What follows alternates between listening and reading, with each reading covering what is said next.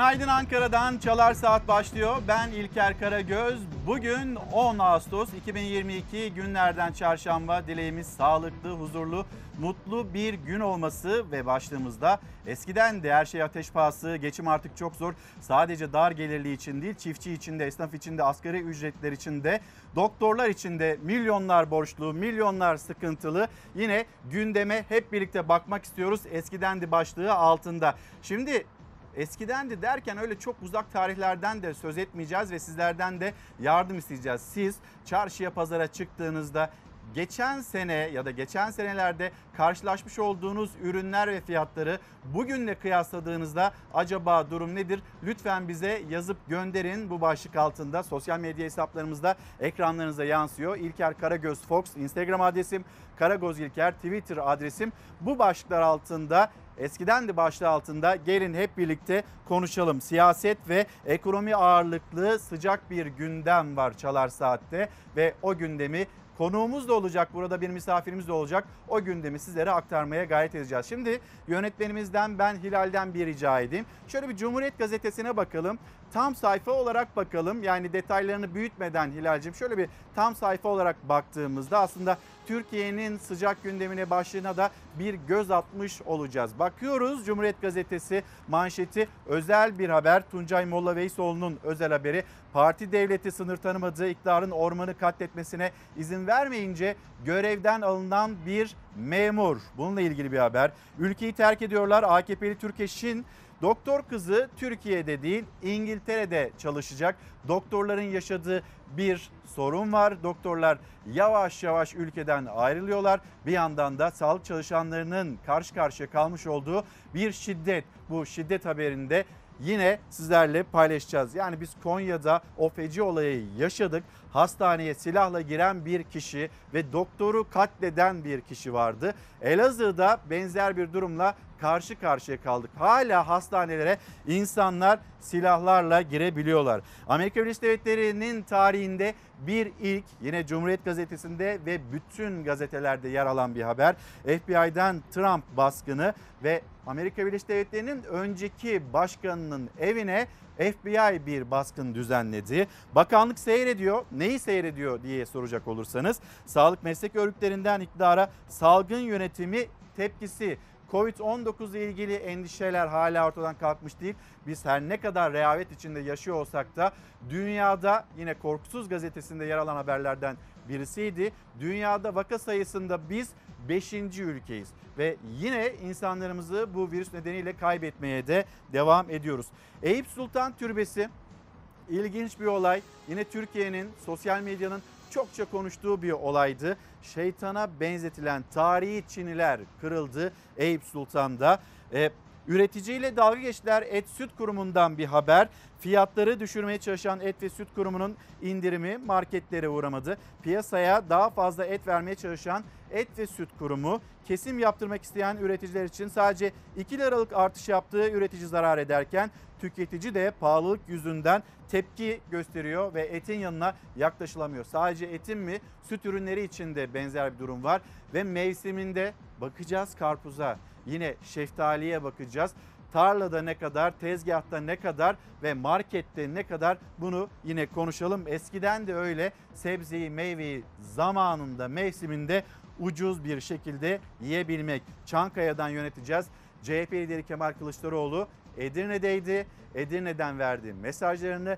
Kılıçdaroğlu'nun Edirne'de Edirne Belediye Başkanı tarafından kürsüye daveti dikkat çekti. Siyasetin sıcak başlıklarından birisi oldu. Acaba altılı masanın e, Cumhurbaşkanı adayı Kemal Kılıçdaroğlu mu? Söylemlere baktığınızda ya da altılı masadaki diğer liderlerin bir itirazı olmadığını gördüğünüzde yavaş yavaş Cumhurbaşkanı adayı sanki altılı masanın belirleniyor. Kılıçdaroğlu olacak gibi gözüküyor. Çankaya'dan yöneteceğiz dedi. Yani e, Beştepe'yi kullanmayacaklarını söyledi CHP lideri ve partisinin bu haftaki grup toplantısını Edirne'de yaptı. Adaylık sinyali veren Kılıçdaroğlu bizim saraylara merakımız yok. Ülkemizi mütevazi Çankaya'dan yönetmek isteriz. 6 lider anlaştık tek kişinin iradesine Türkiye'yi bırakmayacağız. A partisi, B partisi, C partisi meselesi değil. Ülkeyi yeniden ayaklandırmamız gerekiyor mesajlarını verdi. Yine CHP lideri Ali İsmail'i bir kez daha öldürdüler. Detaylarına bakacağız. Hemen altta bir haber daha var ve bugün Çalar Saat'te de o haberle başlamak istiyoruz. Uzman çavuş Koç şehit düştü. Pençekilit Harekat Bölgesi'nde EYP patlaması sonucu yaralanan piyade uzman çavuş Halil Koç tedavi gördüğü hastanede şehit oldu.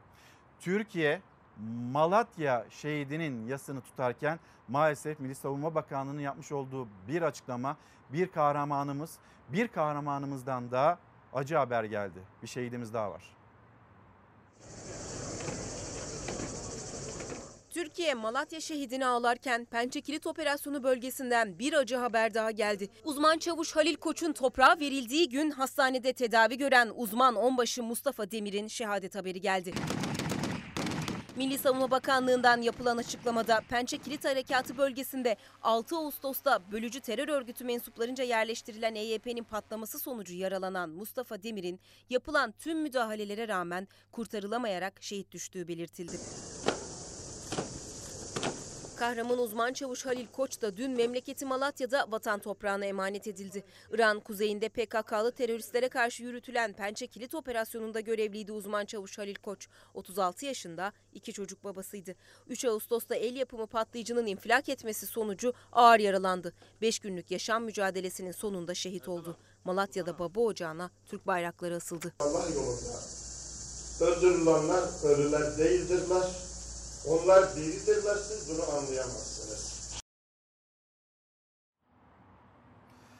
Şehidimize Allah'tan rahmet, yakınlarına ve ülkemize başsağlığı diliyoruz. Sizlerden gelen mesajlar var. Eskiden de başlığı altında Kemal Bey göndermiş.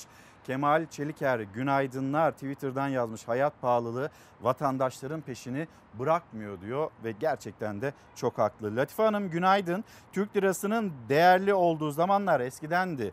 Türk vatandaşları bakıyor kelepir ülkemin malları birer birer elden çıkıyor. Bir yandan boğazdaki yalılara dikkat çekiyor. Diğer yandan yine sadece yalılar değil dün yine gazetelerden okuduk TOKİ kurallarında bile yabancılar o ucuz konutlara ulaşabiliyor. Memleketimizde bir de konut sorunu, konut problemi yaşanıyor. Bu nasıl çözülecek, çözümlenecek? Ee, Anıl Bey günaydın. Geçen sene okul kıyafeti bir adet tişört 60 liraydı. Bu sene 190 lira olmuş. Siz buradan enflasyon ölçümünü bir yapın. Artık eğitim öğretim yılının da başlamasına az bir süre kaldı. 12 Eylül'de okullar açılacak. Belki e, birinci sınıflar için, anaokulları için biraz daha erken bir intibak süreci de olacak. Yalnız ciddi bir pahalılık yaşanıyor. Geçen seneden bu seneye geçen sene aldığımız tişört 60 liraydı. Bu sene 190 lira olmuş. Bu bilgiyi paylaşıyor Anıl Bey bizlerle. Sabah gazetesine bakalım. Gazetelerle ilerleyelim. Sabah gazetesinin manşeti hakkımızı almaya gidiyoruz. Cumhurbaşkanı Erdoğan'ın açıklaması. Abdülhamit, Abdülhamit Han sondaj gemisini ilk görev yerine uğurlayan Başkan Erdoğan hiç kimse Akdeniz'de hakkımız olanı almamızı engelleyemeyecek mesajını verdi. Abdülhamit Han gemimizi e, Gazi Paşa'nın 55 kilometre açığındaki Yörükler bir kuyusuna uğurluyoruz. Burası Doğu Akdeniz'deki kapsamlı iş planımızın ilk adımıdır. Akdeniz'de yaptığımız arama ve sondaj çalışmaları kendi egemenlik alanımızdadır. Bunun için kimseden izin veya icazet almaya ihtiyacımız yok dedi. Bir yandan da hem Yunanistan'a hem oradaki bölge ülkelerine hem de küresel güçlere başta Amerika Birleşik Devletleri ve Rusya olmak üzere onlara da mesajlar var Ankara'dan. Ne kuklalar ne de onların iplerini elinde tutanlar Akdeniz'de hakkımız olanı almamızı engelleyemeyecektir dedi Cumhurbaşkanı. Mavi Vatan mesajları bu şekilde. Akdeniz'de Abdülhamit Han ismi ile karşılaşan birilerinin aklına herhalde önce Gazi Ethem Paşa ve Dömekke Savaşı gelecektir ama hiç korkmasınlar. Bizim ilkemiz ne hakkımızı yedirmek ne de kimsenin hakkına göz dikmektir dedi. Bir yandan da 2023 yılında hani Karadeniz doğalgazı vardı. E, o doğalgazın da 2023 yılında konutlara ulaşacağını söyledi. Böyle bir müjdeyi de paylaştı. Biz bir yandan müjdeleri konuşuyoruz. Diğer yandan da hem zamları konuşuyoruz hem de küresel piyasaları da takip ediyoruz. Küresel piyasalara baktığımızda Brent petrolün varil fiyatı gerilediği için 100 doların altına indiği için son e, birkaç gündür hem motorinde hem de benzinde indirimlerle karşılaşıyoruz. Belki hani böyle bir haberi takip etmemek olmaz ama belki dikkatinizden kaçmıştır. Dün geceden itibaren geçerli olmak üzere motorinde 1 liralık indirim daha var. Hemen haberini aktaralım.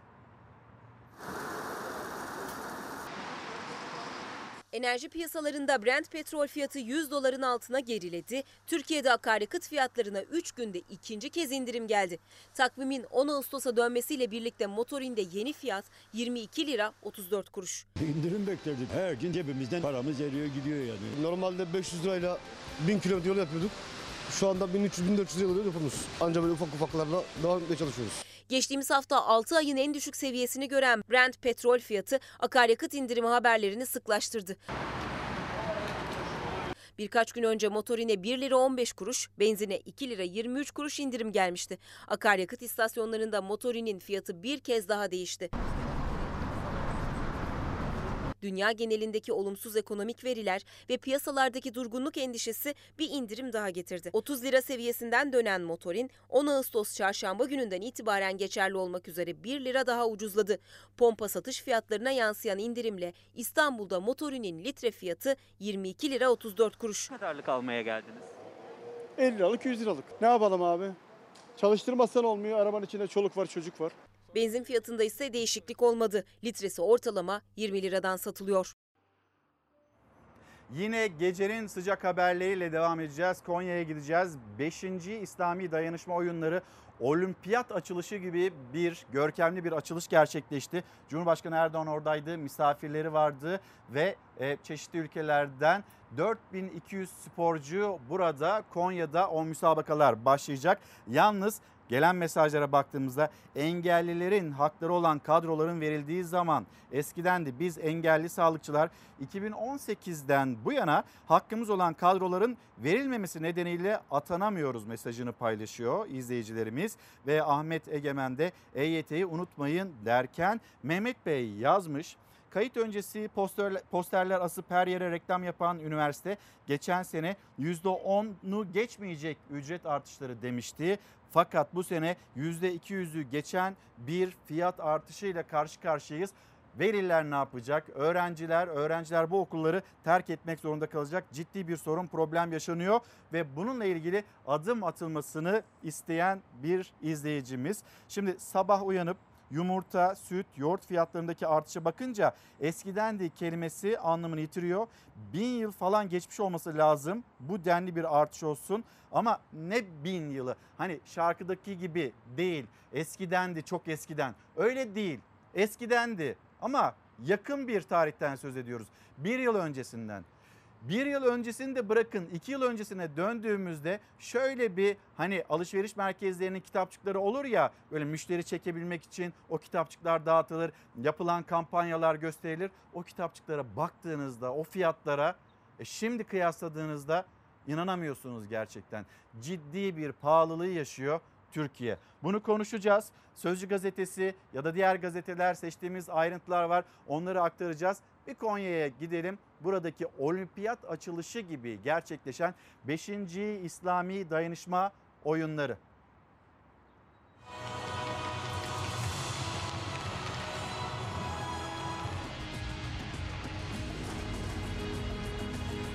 Konya'nın ev sahipliğinde düzenlenen 5. İslami Dayanışma Oyunları Cumhurbaşkanı Erdoğan'ın katılımıyla gerçekleşti. Açılış seremonisi konserler ve dans gösterileriyle devam ederken etkinliğe 56 ülkeden 4000'den fazla sporcu katıldı. Sporcularımız tekvandocu Nafia Kuş ve geleneksel okçu Sena Keçeci taşıyor.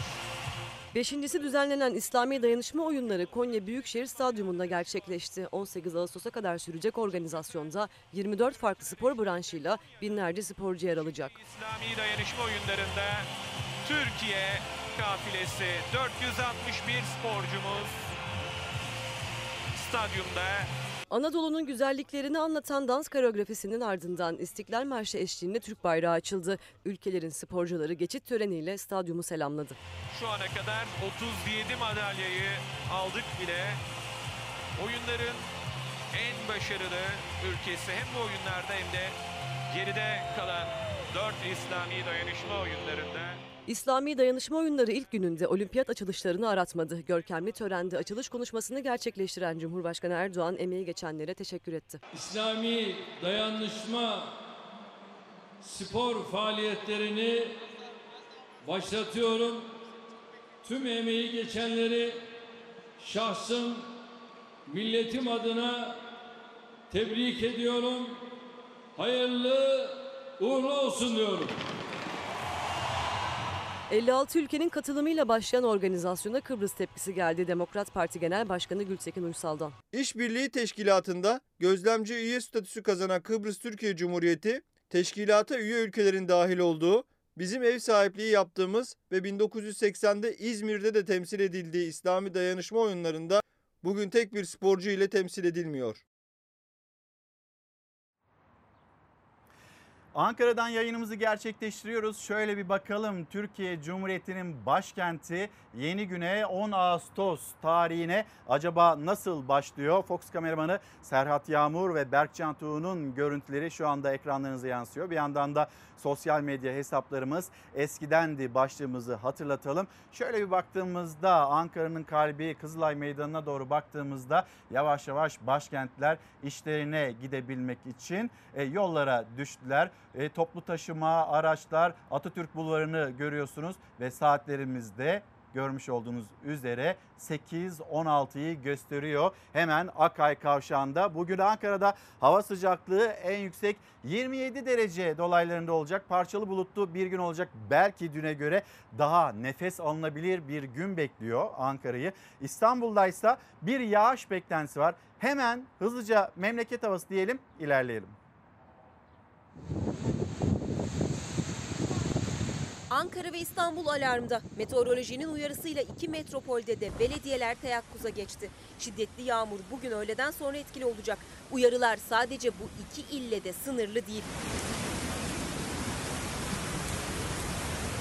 Ankara Valiliği başkentte bugün öğle saatlerinden itibaren etkili olması beklenen sağanak yağış nedeniyle vatandaşları olası sel ve su baskınlarına karşı uyardı. İstanbul Büyükşehir Belediyesi Afet Koordinasyon Merkezi AKOM yağışların aniden bastırabileceğini, kısa sürse de çok yoğun olacağını söyledi. Marmara bölgesinde 3 gün sürmesi beklenen yağışa kuvvetli fırtına da etki edecek. Marmara'nın batısıyla Kuzey Ege kıyılarında yağmura hızı saate 70 kilometreyi bulacak şiddetli rüzgar eşlik edecek. Meteorolojinin şiddetli yağış uyarısı verdiği diğer iller arasında Isparta, Burdur, Denizli, Uşak, Afyonkarahisar, Eskişehir ve Kütahya'da var.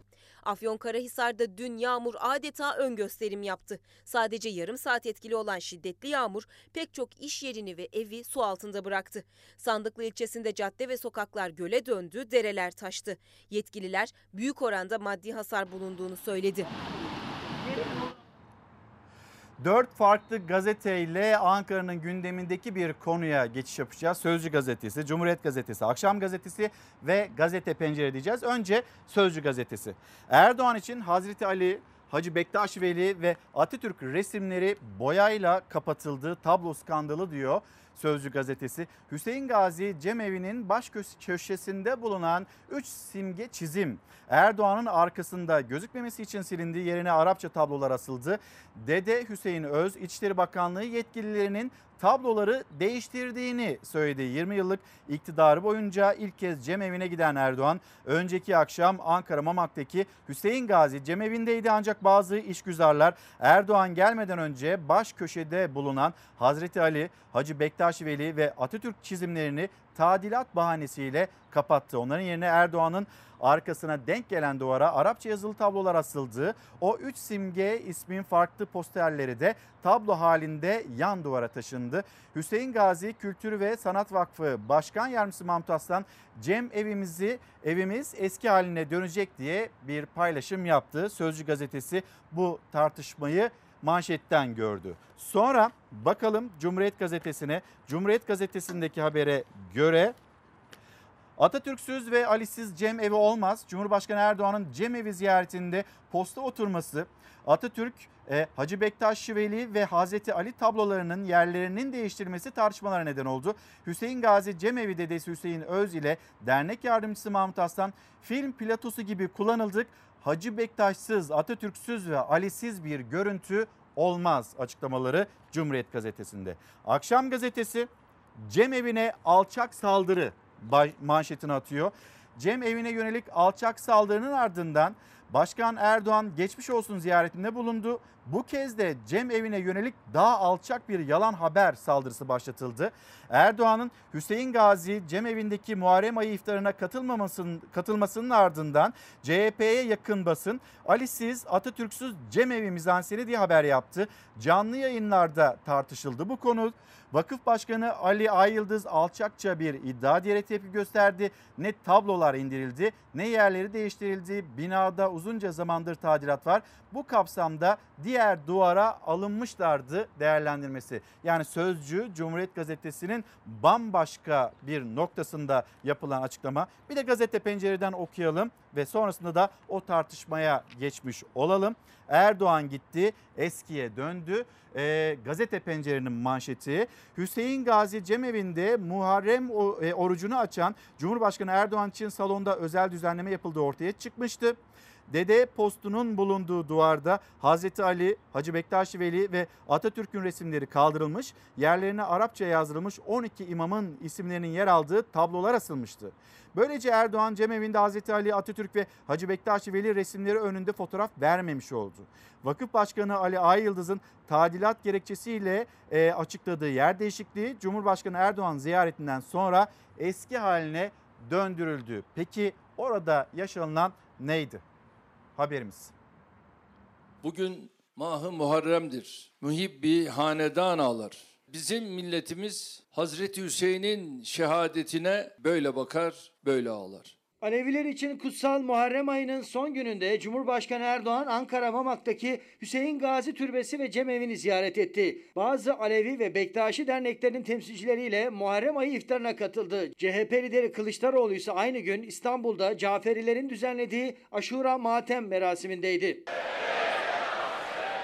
Hazreti Hüseyin'i ağlayanlardan olup Yezid gibi davrananlardan da değiliz. Hazreti Hüseyin Efendimiz'i ve dostlarını matemle anıyoruz. Muharrem ayının girdiği ilk gün Ankara ve İstanbul'da bazı cemevlerine hedef alan saldırıların gölgesinde Erdoğan'ın sürpriz cemevi ziyareti dikkat çekti. Ziyaret öncesi Hüseyin Gazi cemevi'nin ibadet alanında AK Partili Mamak Belediyesi tarafından yapılan tadilatta. Lokmalarımız tatlı, Gönüllerimiz mutlu olsun. Tadilat sırasında cemevi'nin duvarlarında asılı resim ve tabloların yerlerinde değişiklik yapıldı. Hazreti Ali, Hacı Bektaş Veli ve Atatürk'ün yan yana resimleri dede posturun olduğu bölümden yan tarafa taşındı. Resimlerin yerini Allah, Hazreti Muhammed, Hazreti Ali ve 12 imamı anlatan Arapça hat eserleri aldı. Bu gitti ganisi gele Hak Muhammed Ali berekatını vere. Resimler gibi ziyaret için emrivaki oldu diyen dergahın bazı yöneticilerinden itiraz yükseldi. Hüseyin Gazi Derneği yöneticileri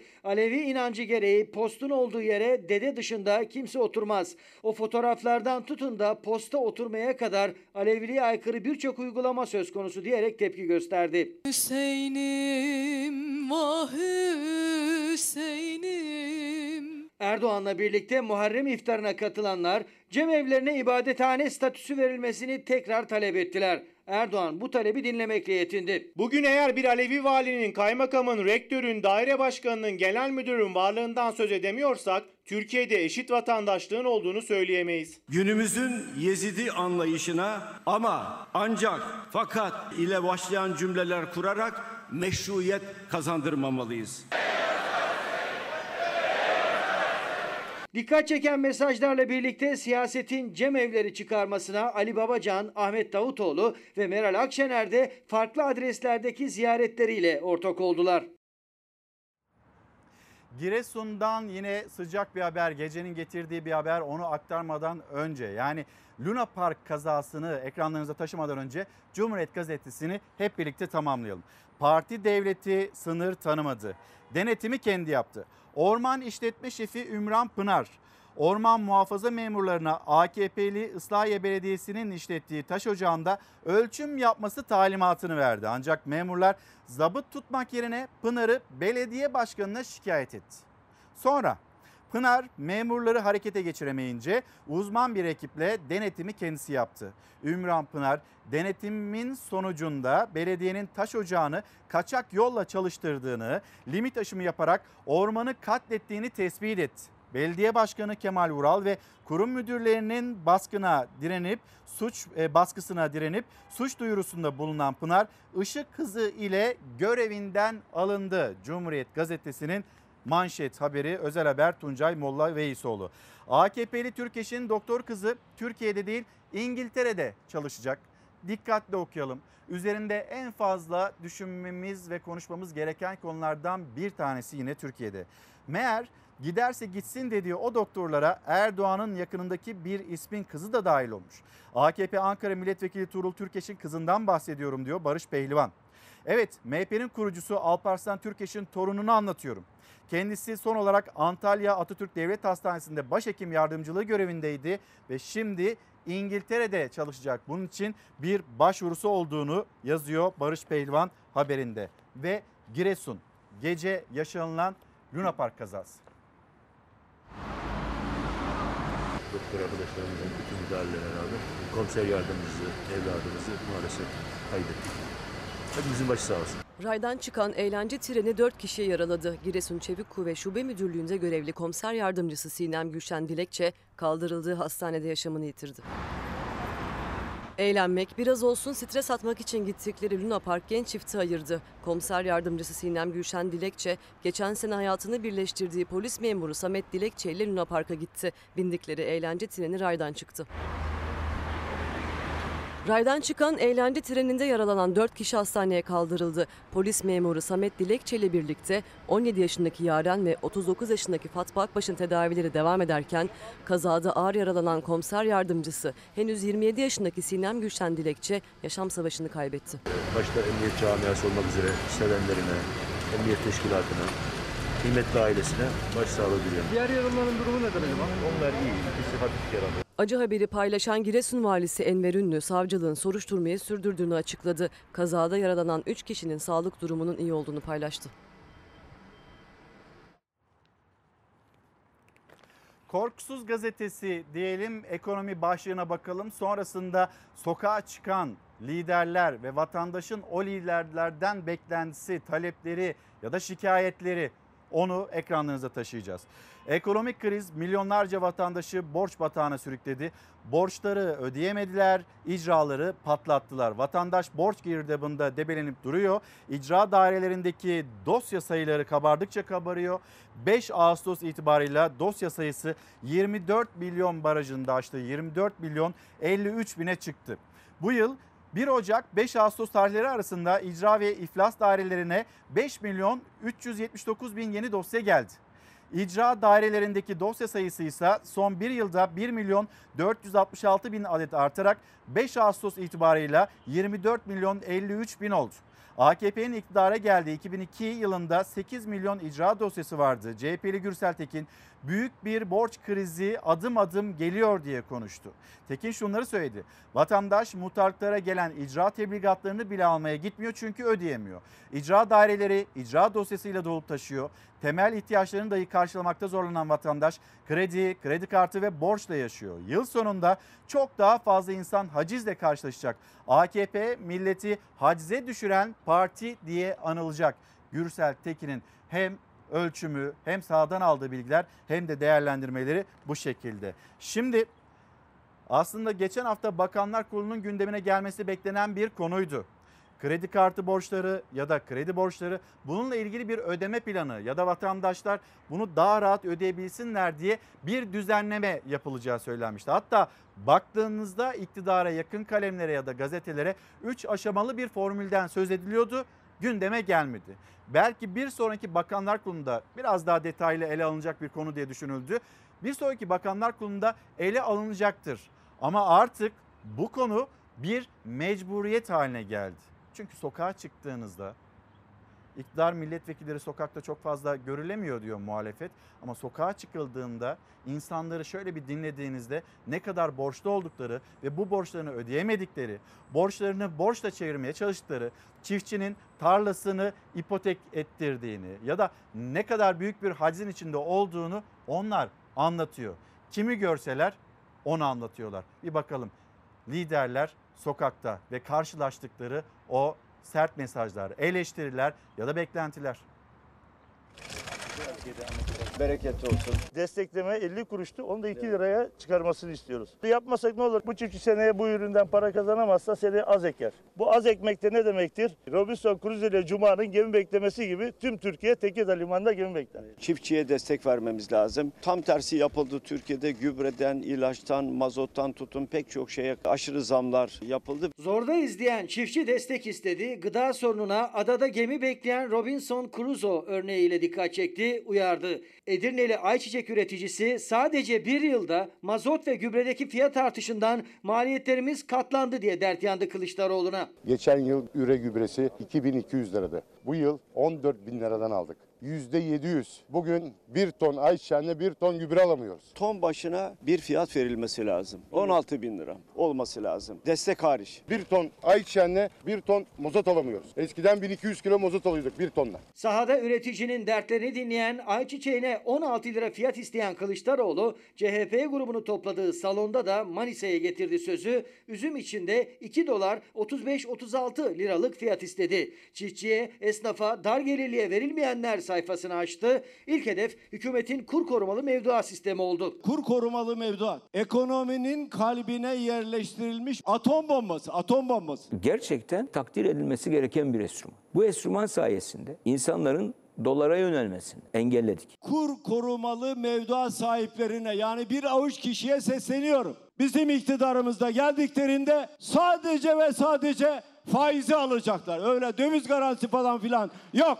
Türkiye sömürge bir ülke değil. Bu ülkenin hakkını hukukunu da sömürtmeyeceğiz kimseye. Paran varsa bankaya yatırırsın, faizini de alırsın. Faiz başlığında ise hedefinde Cumhurbaşkanı Erdoğan vardı Kılıçdaroğlu'nun. Tayyip Erdoğan dün de düşük faiz diyordu, bugün de düşük faiz diyorum. Yarın da düşük faiz diyeceğim. Bu benim için nastır, nas. Neymiş? Beyefendi faize karşıymış. Felaket bir tablo var. Bu yılın ilk 6 ayında bankaların karı yüzde 400. Faiz gelir. Çiftçi yüzde 400 kar elde etti mi? Esnaf, sanayici, hiçbir meslek grubu 400 kar elde etmedi. KPSS skandalı sonrası Erdoğan'ın Devlet Denetleme Kurumu'nu harekete geçirmesini hatırlattı Kılıçdaroğlu. Muhalefetin deyimiyle beşli çeteye yani iktidara yakın müteahhitlere getirdi sözü. Efendim devlet denetleme kurumunu harekete geçirdik. Dünyanın yolsuzluğu var. Beşli çeteler malı götürüyor. E görevlendirsene devlet denetleme kurulunu. Görevlendiremez oraya. Kendisi de o işin bir parçası çünkü. CHP lideri sert eleştirilerle ekonomiyi gündeminden düşürmüyor. DNA Haber siz uyurken neler oldu diyor ve yeni günün notlarını topluyor. Şöyle başlık başlık bakalım ki zaten şu ana kadar bir kısmını paylaştık. İlerleyen dakikalarda da diğer haberleri ekranlarınıza taşıyacağız. Milli Savunma Bakanlığı Pençe Kilit Operasyonu'nda uzman çavuş, e, uzman onbaşı Mustafa Demir'in şehit olduğunu açıkladı. AK Parti'ye katılacağı iddia edilen Mehmet Ali Çelebi konuştu. 11 partiyle görüştüm e, açıklamasını yaptı. Amerika Birleşik Devletleri Başkanı Biden Finlandiya ve İsveç'in NATO'ya katılımına onay veren imzayı attı. Bakan Nebati kur korumalı mevduat için atom bombası diyen Kılıçdaroğlu'na cevap verdi. Spekülatif açıklamaları vatanseverlikten uzak dedi. Kur korumalı mevduat sistemini savundu ve Kılıçdaroğlu'nun bu açıklamaları vatanseverlikten uzak dedi. AK Parti İstanbul İl Başkanlığı 2023 seçiminde Orhan Gencebay'ın Mevsim Bahar Olunca şarkısını İstanbul Kalbimizsin yorumuyla kullanacak. Bu yönde de bir klip yayınlandı. E, akaryakıta indirim 10 haberinde paylaştık. Motorinde 1 liralık bir indirimden söz ediyoruz. Şimdi gelelim Ali Ekber Yıldırım. Ali Ekber Yıldırım biliyorsunuz tarım yazarı. Zaman zaman da Ali Ekber abi burada Çalar Saat'te Çalar Saat hafta sonunda ağırlıyoruz. Koyun fiyatı hani böyle et süt kurumu indirime gitti. Bununla ilgili bir müjdede denildi ama fiyatlar zaten aldı başını gitti. Bununla ilgili bir değerlendirmesi var. Koyun etinde %25 indirim kime yaradı? Bir bakalım. İndirim bahanesiyle alım fiyatı düşürüldü. Bir kere üretici zarar etti. Onun açıklaması. Et Süt Kurumu'nun eti %98 olarak nereye satılıyor? Devlete satılıyor. Zaten hani Türkiye genelinde 18 şubesi var. Nasıl Türkiye geneline yayılabilir? Böyle bir yaygınlık olabilir. Et ve Süt Kurumu o etin %98'ini devlete satıyor diyor. Tüketici de zaten alamıyor. Yanlış politikalarla koyun yetiştiriciliğinin de sonu gelecek. Bu uyarıyı yapıyor Ali Ekber Yıldırım. Karar Gazetesi çiftçiye kırmızı e, mazot EYT'liye emeklilik Kılıçdaroğlu Bay Kemal sözü dedi. Tarladaki kadının primi devletten iktidarımızda kırsalda çalışan kadınların SGK primlerini devlet ödeyecek. Planlama yapacağız. Herkes ne ekeceğini bilecek. Taban fiyatta üretici zarara uğratılmayacak dedi Kılıçdaroğlu. Sonra bankadan dünyanın faizini alan kar garantisi verene yani havadan para kazanana imkan vermeyeceğim. O paraların tamamını alacağım millete vereceğim dedi. Edirne mesajlarından bir başkasıydı. Liyakati yok ederseniz devlet yürür. KPSS en basit örneği Devlet Denetleme Kurulu harekete geçirildi deniliyor. Beşli çeteler malı götürürken görevlendiremez çünkü kendisi de parçası ve kur korumalı mevduat ekonominin kalbine yerleştirilmiş atom bombası iktidarımızda sadece faizi alacaklar. Öyle döviz garantisi falan yok. Türkiye sömürge değil. Bu açıklamalarına da az önce de aktardım DNA Haber'den Nebati yanıt verdi. Kılıçdaroğlu'nun sözleri vatanseverlikle uyuşmuyor açıklaması. Kol kırılır, yen içinde kalır artık bitsin. Gelecek Partisi lideri Ahmet Davutoğlu'nun açıklaması. Sivil toplum kuruluşlarına hitaben bir mektup kaleme alan Gelecek Partisi lideri Türkiye'nin üstündeki kara bulutları dağıtmak için devrim gerçekleştireceğiz dedi. Şöyle devam etti.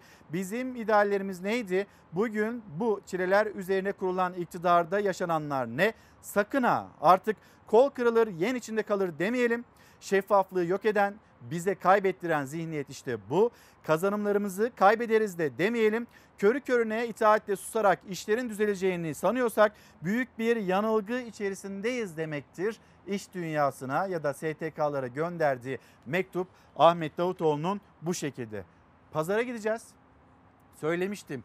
Mevsiminde ne sebze ne de meyve bunlar ulaşılabilir değil geçen seneki fiyatlarla belki de sizler de kıyaslayacak olursanız ya da eskiden de başlığı altında bizlere yazacak olursanız çok da seviniriz. Geçen seneki fiyatlar bu sene tarlalarda karşılaştığımız fiyatlar bir izleyicimiz vardı. Hani böyle Haziran başında karpuz fiyatları buna yükselen itirazlar ve ben burada bir mesajı okumuştum. Ve demiştim ki sonrasında beni eleştirmişti. Ya şu anda böyle hani ilerleyen aylarda ucuzlayacaktır demişti. Ama bakıyorsunuz karpuzun fiyatı hala ucuzlamadı. Şeftali belki tarlada ucuz. Ona bir itirazım yok.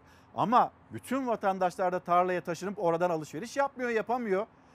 Biz gittiğimizde semt pazarında karşılaştığımız rakamlara bakıyoruz. Orada çok pahalı. 4-5 tane olur, 6 tane olur. 6 şeftaliye ne kadar verdiniz? 15 TL. Şu anda şeftali tarlada 2-3 liradan satılıyor. Burada da 10 lira. Evde ufak çocuk var diye alıyoruz yani. Biz kendimiz için almıyoruz. Çocuk istiyor diye alıyoruz. Bir karpuz şu an lirada 25 lira vermiş. Pazarlık ettik 25. nasıl fiyat peki?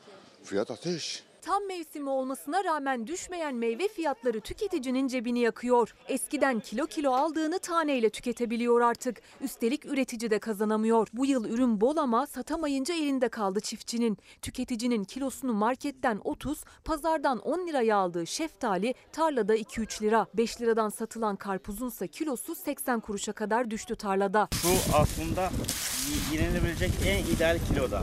Süper karpuz alan yok. Kaldı yerinde.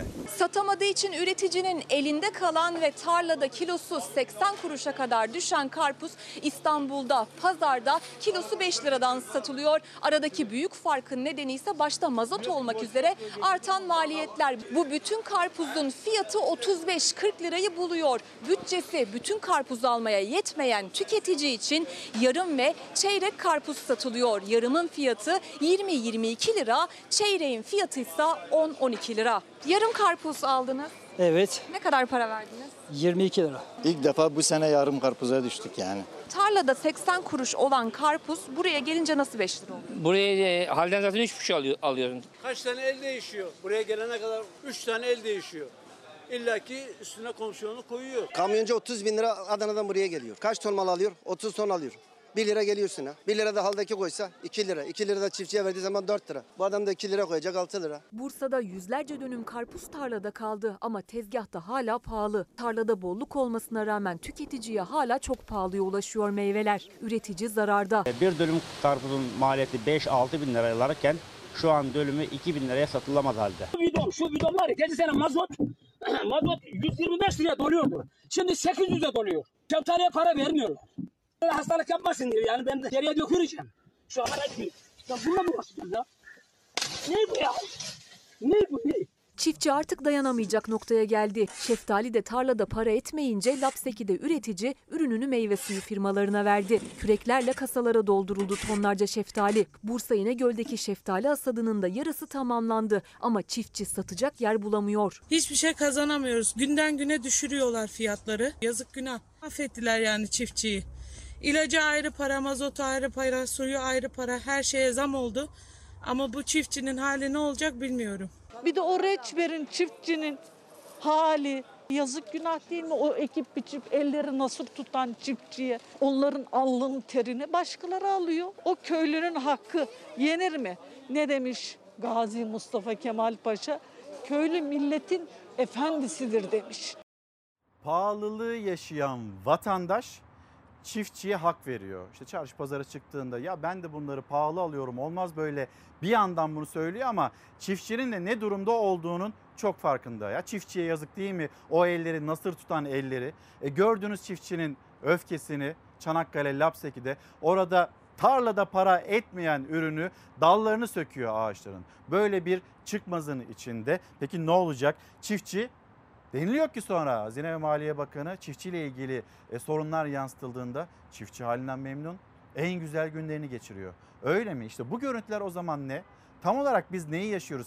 Kim bu yaşanılanın ne kadar farkında? Daha doğrusu yönetenler, ekonominin başında olanlar çiftçinin yaşadığı sorunların ne kadar farkında? Emirhan Şimşek günaydın diyor ki insanların kendi yurdunda rahat yaşamaları gerekiyor ve bu artık eskidendi. Babam çiftçi, gübreye falan para yetiştiremiyoruz. Bir de Bağkur'la uğraşıyoruz. Çok zorlu günlerden geçiyoruz. Allah sonumuzu hayır etsin demiş çiftçi çocuğu. Kendisi de muhtemelen çiftçilikle uğraşıyor ve bir de Bağkur'la uğraşıyoruz. Bu mesajı paylaşmış bizimle. Şimdi reklamlara giderken hani reklamların dönüşünde bir misafirimiz olacak.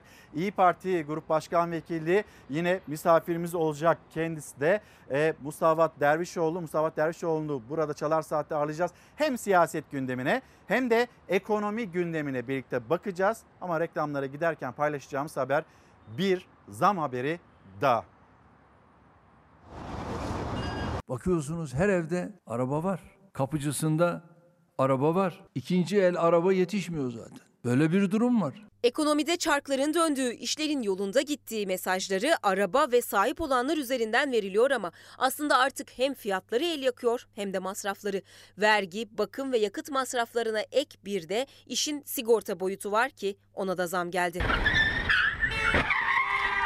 Zorunlu trafik sigortasına zam geldi. Ağustos itibariyle İstanbul'da trafiğe yeni çıkan 4. basamak araç için uygulanan azami prim tutarı 3149 lira olacak. Yine İstanbul'da son 2-3 yıldır hiçbir kazaya karışmamış ve 7. basamağa yükselmiş bir sürücü bu ay sigortasını yenilemek istediğinde indirimli en fazla 1732 lira ödeyecek. 10 bini geçiyor. Yakıt hariç. Neler var içinde? Kasko, sigorta, bakım, vergi 10 bini geçiyor. Zorunlu trafik sigortasında Mayıs-Ağustos arasındaki artış %30'u aştı. Sigorta şirketleri kendi aralarındaki rekabete göre sürücülere daha düşük tarifeler sunabiliyor. Ama işin özü araç sahibi olmak artık çok maliyetli. Bizim bir evimizin giderini geçiyor.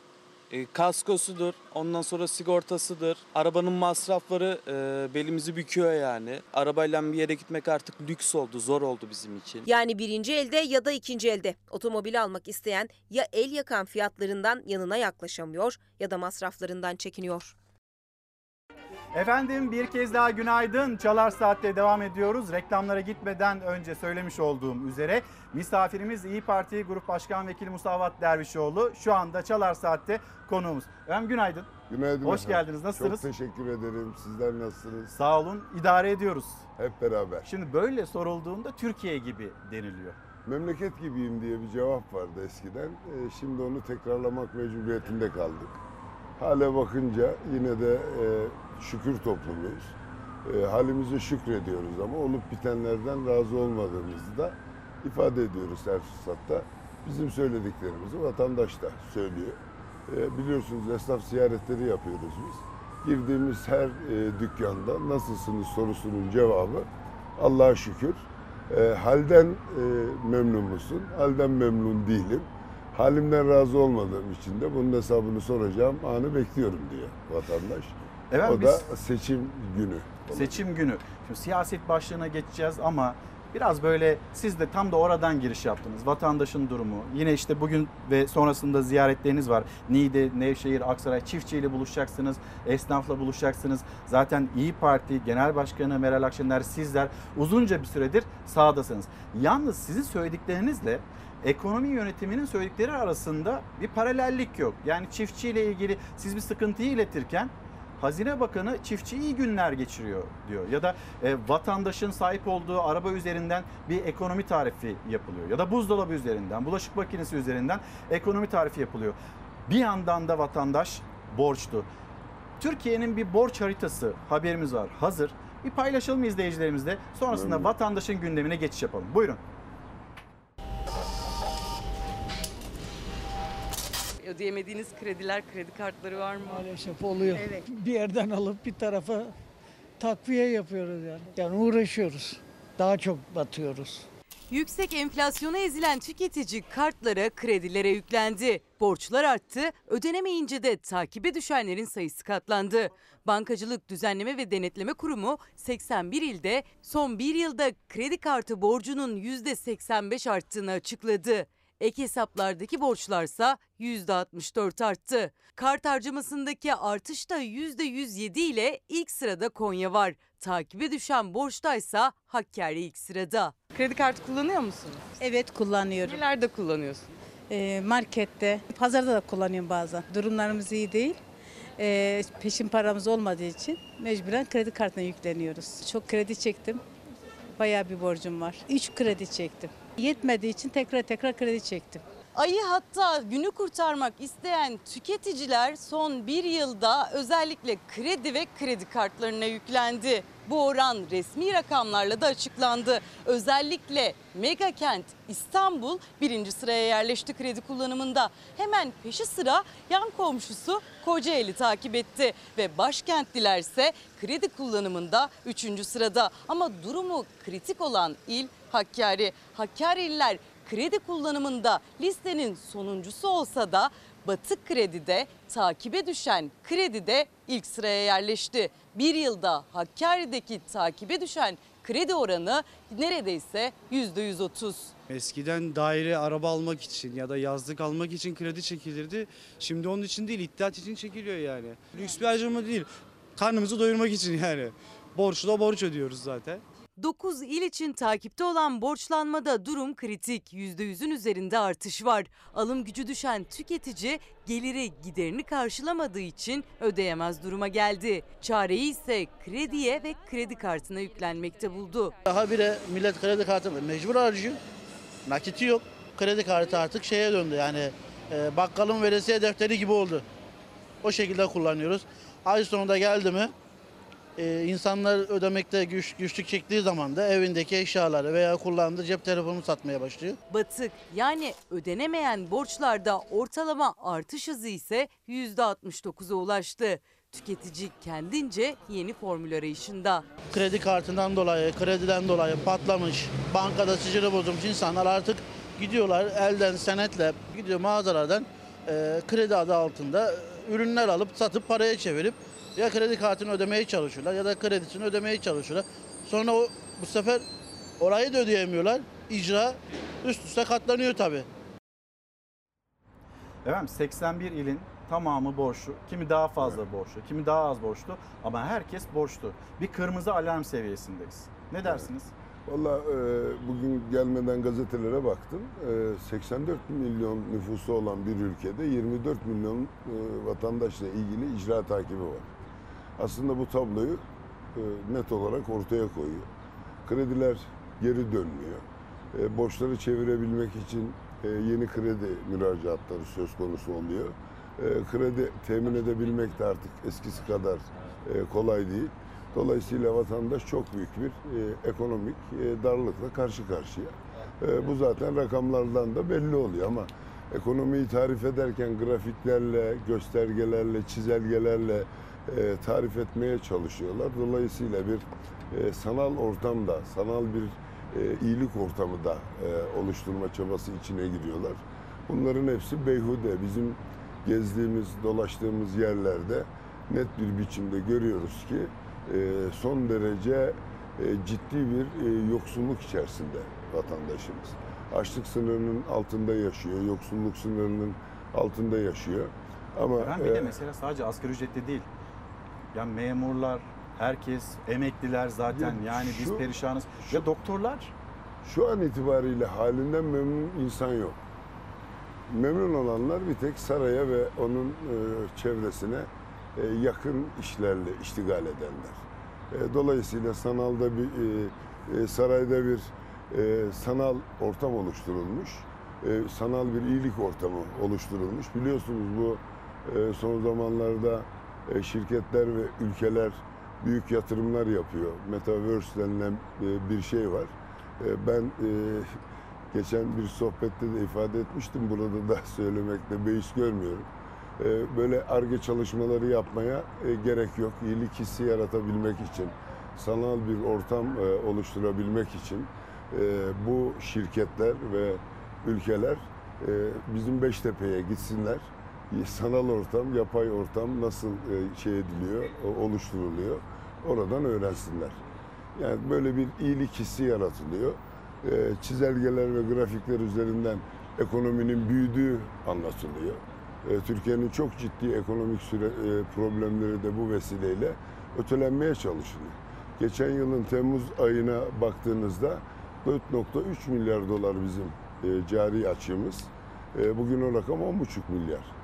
Geçen yılın 7 ayına oranla, e, ilk 7 ayına oranla %143 e, artmış ve e, 42 milyar dolara e, yaklaşmış. E, Bunun yansımaları da elbette ki direkt olarak vatandaşı vuruyor. bir yandan Aa. kur korumalı mevduatı konuşuyoruz. Kur korumalı Hatta kur mevduatta da böyle net rakamlara ulaşamıyorsunuz. Onun maliyeti bugün yine yani me- mevcut hükümetten edindiğimiz verilere göre 37 milyar lira ekonomiye şey e, maliyeti yükü. yani bu bu ana kadarki ekonomiye e, maliyeti 37 milyar lira ondan e, bahsediliyor. Ama sadece o değil yani biz geçmediğimiz yolların geçmediğimiz tünellerin parasını e, ödemeye alışmıştık vatandaş olarak. Şimdi olmayan paramızla başkasının borcunu ödemeye başladık bu kur korumalı mevduatla. E, dolayısıyla hükümeti bu gittiği yanlış yoldan geri çevirmek için de gerekli uyarıları yaptık, yapmaya da devam ediyoruz. Ama bu hükümet maalesef uyarılardan kendine düşen payı çıkarmıyor. Siz uyarıyoruz bu yanlış diyorsunuz ama mesela Nurettin Nebati'nin e, açıklaması var. Tamam kuru korumalı mevduat sistemi dar gelirli faydalanamıyor. Daha çok böyle e, ihracatçıların faydalanabildiği bir sistem. Şimdi Kemal Kılıçdaroğlu'nun Edirne'de yapmış olduğu bir açıklama var. Biz geldiğimizde kuru korumalı mevduatta bankanın faizi neyse onu ödeyeceğiz. Kur nedeniyle bir faiz ödemeyeceğiz. Ona göre adımınızı atın dediğinde de Nebati'nin yeni açıklaması bu vatanperverlikle uyuşmaz. E, Şimdi bunların kendilerine göre bir vatanperverlik, kendilerine göre bir e, beka, kendilerine göre milliyetçilik, kendilerine göre bir dindarlık e, tanımları var. Ben bunları üzülerek takip ediyorum. Bu kur korumalı mevduatı getirmeseydik döviz daha da e, yükseğe çıkardı diyorlardı. E, Getirdiniz de ne oldu? Türkiye Cumhuriyeti Devleti Merkez Bankası'ndan doları baskılamak için 200 milyar, 128'di. Ee, o 70 küsür milyarlık daha döviz satışı oldu. Tam 200 milyar dolar çıkarttı. Yani Türkiye çok e, yanlış idare ediliyor. Göz göre göre uçuruma doğru e, sürükleniyor. Türk milletinin geleceği maalesef ve mal teessüf e, ipotek altına alındı bu hükümetin yanlış ekonomi politikaları yüzünden. E, Sayın Nebati'den bahsediyorsunuz. Ben ondan bahsetmek bile istemiyorum. Ekonomi ve Neden Maliye Ekonomi ve Maliye Bakanı olarak görmüyorum kendisini. Ama E, makamı o. taşıdığı sıfat o ama e, o makamı başkaları yönetiyor. E, dolayısıyla e, kendisinden sorumlu, o ekonomiden sorumlu gibi görünüyor ama e, Sayın Nebati'den e, sorumlu e, başkalarının olduğu kanaatini taşıyor. Nurettin Nebati'nin önceki açıklamalarını da hatırlatacağım Ee, ama mesela durumu iyi denilen bir çiftçimiz yazmış sosyal medyadan Instagram'dan göndermiş Lapseki'den Çanakkale Lapseki'den şeftalinin son durumu Allah çiftçimize yardımcı olsun çünkü başka yardımcı olacak kimse yok giderler bu kadar yüksekken üretilen ürünün düşük olması çiftçinin e, zorda kalmasına neden oluyor diyor. Konuyla ilgili olarak hükümet yetkililerini çözüm üretmeye davet ediyoruz. Bir çağrısı var. Peki böyle mesela talimatla fiyatlar düşer mi? Biz bunu tarım kredide görüyoruz. Haberimiz de hazır. İsterseniz yine izleyicilerimizle birlikte bir izleyelim, paylaşalım sizlerle. Sonra soralım yani talimatla bu fiyatları düşürmek mümkün mü? Yoksa bunun çözümü ne olmalı? Tarım kredi zaten hep pahalı. Olmaması gerektiği kadar pahalı. Gerçekten vatandaşımızın kesesine uygun fiyatların uygulandığı bir yer. Bence televizyonlarda gördüğümüz gibi tarım krediler her yerde açılıyor. Çok ucuz. Hepsi fiyasko. Yağ fiyatları falan aynı. Bakliyat, pirinç vesaire o tür şeyler de dışarıdaki X marketle aynı. İddiaya göre tüketici gibi Cumhurbaşkanı Erdoğan da fiyatları yüksek buldu. Tarım ve Orman Bakanı Vahit Kirişçi'ye talimat verdi. Fiyatları düşürün dedi. Tarım kredi kooperatifleri kar amaçlı kurulmadı. Fiyatları düşürün. Vatandaş daha uygun fiyata alabilsin. Ya Türkiye'de fiyat sormayın. Ben memur emeklisiyim, perişan durumdayım. Sormayın, hiç sormayın. Böyle rakamlar olmaz. Fiyatlar noktasında gayet uygun. Cumhurbaşkanı Erdoğan enflasyonun hızla yükselişe geçtiği 2021 yılı Ekim ayında İstanbul'da Tarım Kredi Kooperatifleri marketine gitmiş, et, süt, peynir, yumurta, yağ, meyve sebzeyi alışveriş sepetine koymadan meyve suyu, çikolata, bisküvi gibi paketli ürünler almış, 1000 lira ödedikten sonra da fiyatları uygun bulmuştu. Bizzat burada yaptığım alışverişle bunu gördüm ve bundan dolayı da mutluyum. Marketler fiyatıyla aynı daha da fazlası olanlar da var. Daha ucuz olması lazım güzel yavrum. Çünkü kar hattı olmadığına göre geliş fiyatı satış fiyatına eşit olması lazım. Pahalı her şey pahalı. Şey almayacak mısın? Bir tane yoğurt olmuş bilmem ne kadar. 47 lira ya bir yoğurt ya yediğimiz bir yoğurt. Yani biz burayı tercih, burayı kullanıyoruz. Marketlere gücü artık hiç yetmeyenler devlet kurumu kar amacı gütmediği için daha ucuza satıyor diye tarım kredi kooperatifleri marketlerine gidiyor ama ürünlerin çoğu orada da zamlandı. Örneğin Mart 2022'de 2,5 kilosu 38 lira 90 kuruş olan pirinç 56 liraya, kilosu 18 lira 50 kuruş olan mercimek 25 liraya, 2,5 kilosu 47 lira olan fasulye de 74 lira 50 kuruşa yükseldi 6 ayda. Bu ara arttı biraz ama artan da var, düşen de var. Nelerin arttığını düşünüyorsunuz? Mesela süt ürünleri daha çok.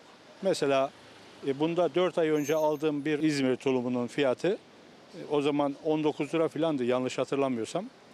E, Şu anda 30 küsür lira, 36 lira falan oldu. Tarım kredi kooperatiflerinde fiyatları pahalı bulan tüketicinin tercihi yine bir diğer devlet kurumu olan TMO. Önünde kuyruk uzayıp gidiyor. Burada 24 lira fındık ezmesi orada 40 lira.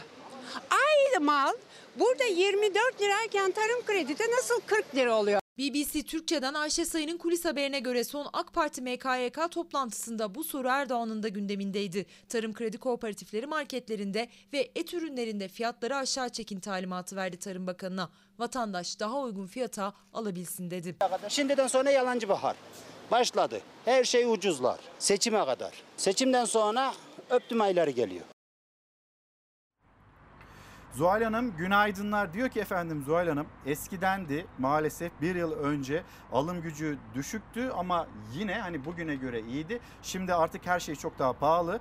Ee, sıvı yağın litresi 3 lirayken şimdi 35-40 lira arasında yumurtanın kolisi 10 lira 15 lira arasındayken şimdi 60 lira seviyesinde. Şimdi buradan bakıldığında ne kadarlık büyük bir artış olduğunu siz hesaplayın. E şimdi Evet. TÜİK de hesaplıyor, ENAK da hesaplıyor, vatandaş da hesaplıyor.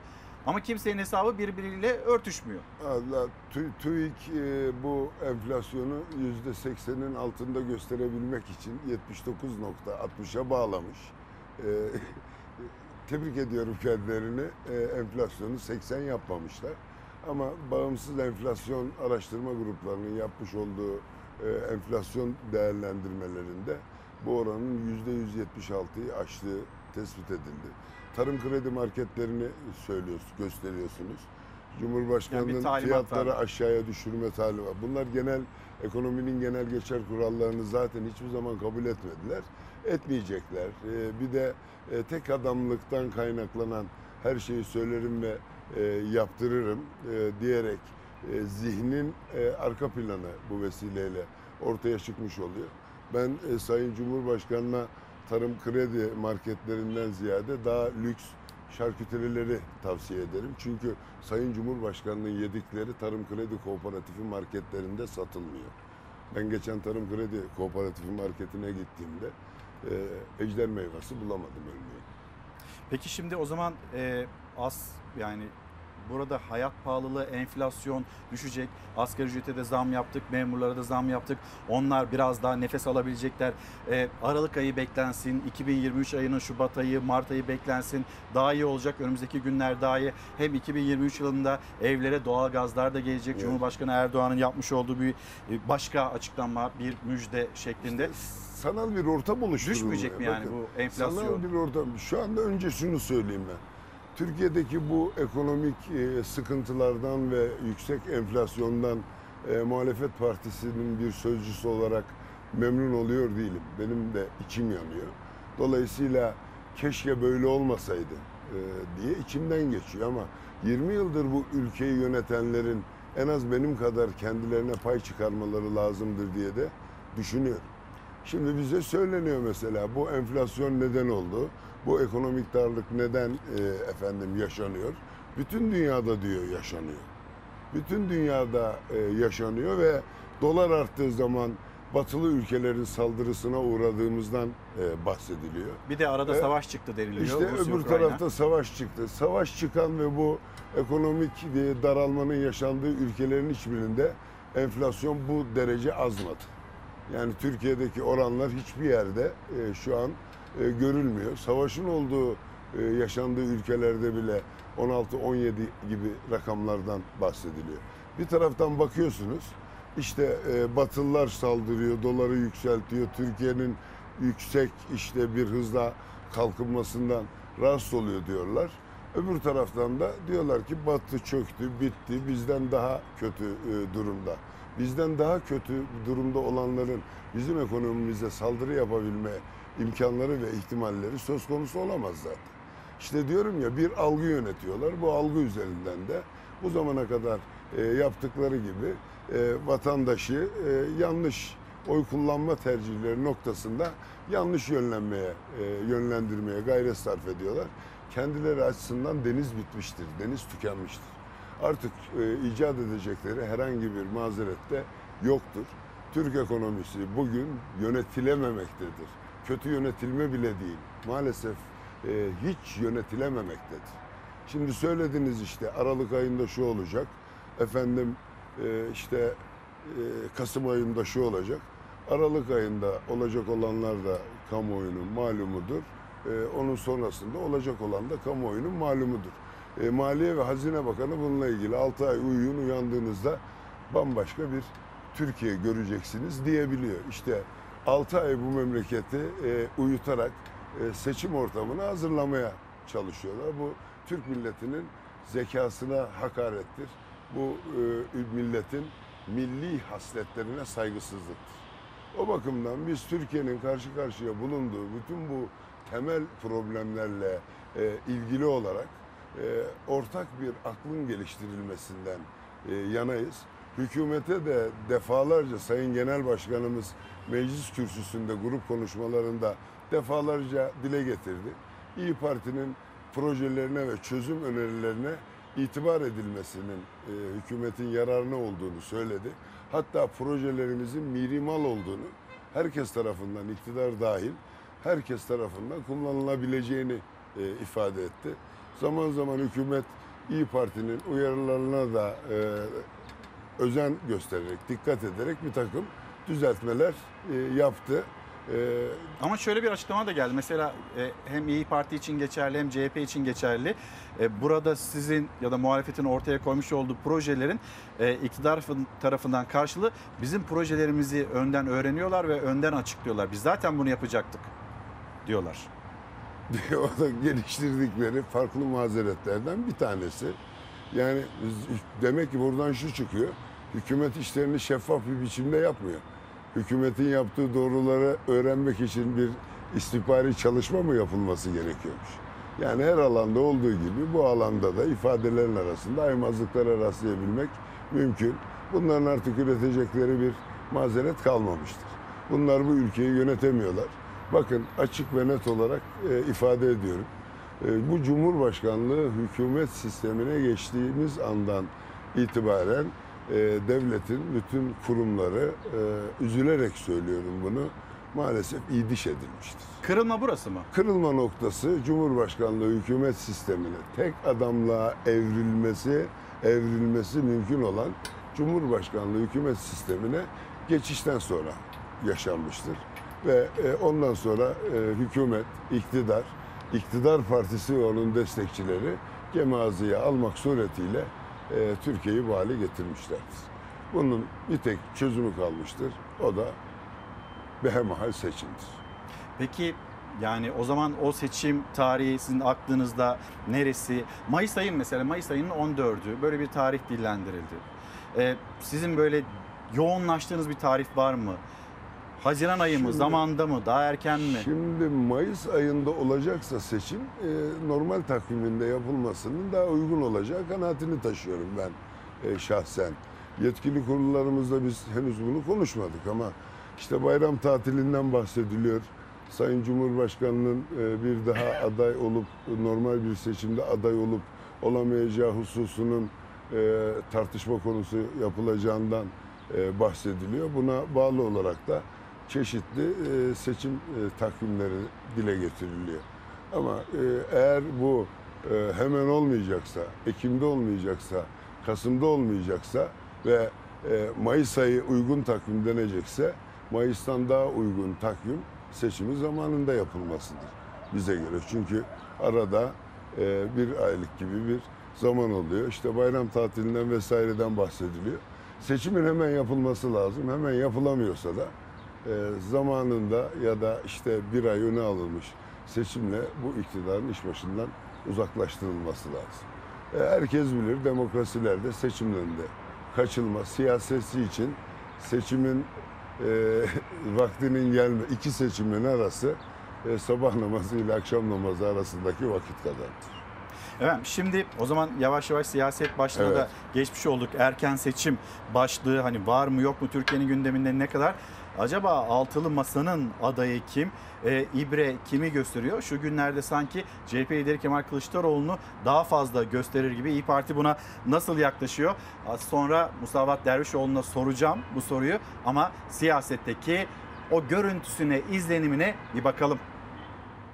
A partisi, B partisi, C partisi değil. Türkiye'nin bu bataktan çıkması lazım. Fabrika ayarlarına yeniden dönmemiz lazım. Yeniden kurtuluşu başlatmamız lazım. Ben heyecanlıyım. Son 20 yılda ülkemize asırlık eser ve hizmetler kazandırdık. Cumhuriyetimizin 100. yılında 13. Cumhurbaşkanı'nın adı da Kemal Kılıçdaroğlu olacak. Bu altılı masanın ortak gündemini sadece Cumhurbaşkanı adaylığına doğru çevirmeye çalışan, işi oraya kilitlemeye çalışan bir e, iletişim kampanyası var. Şu anda onun farkındayız.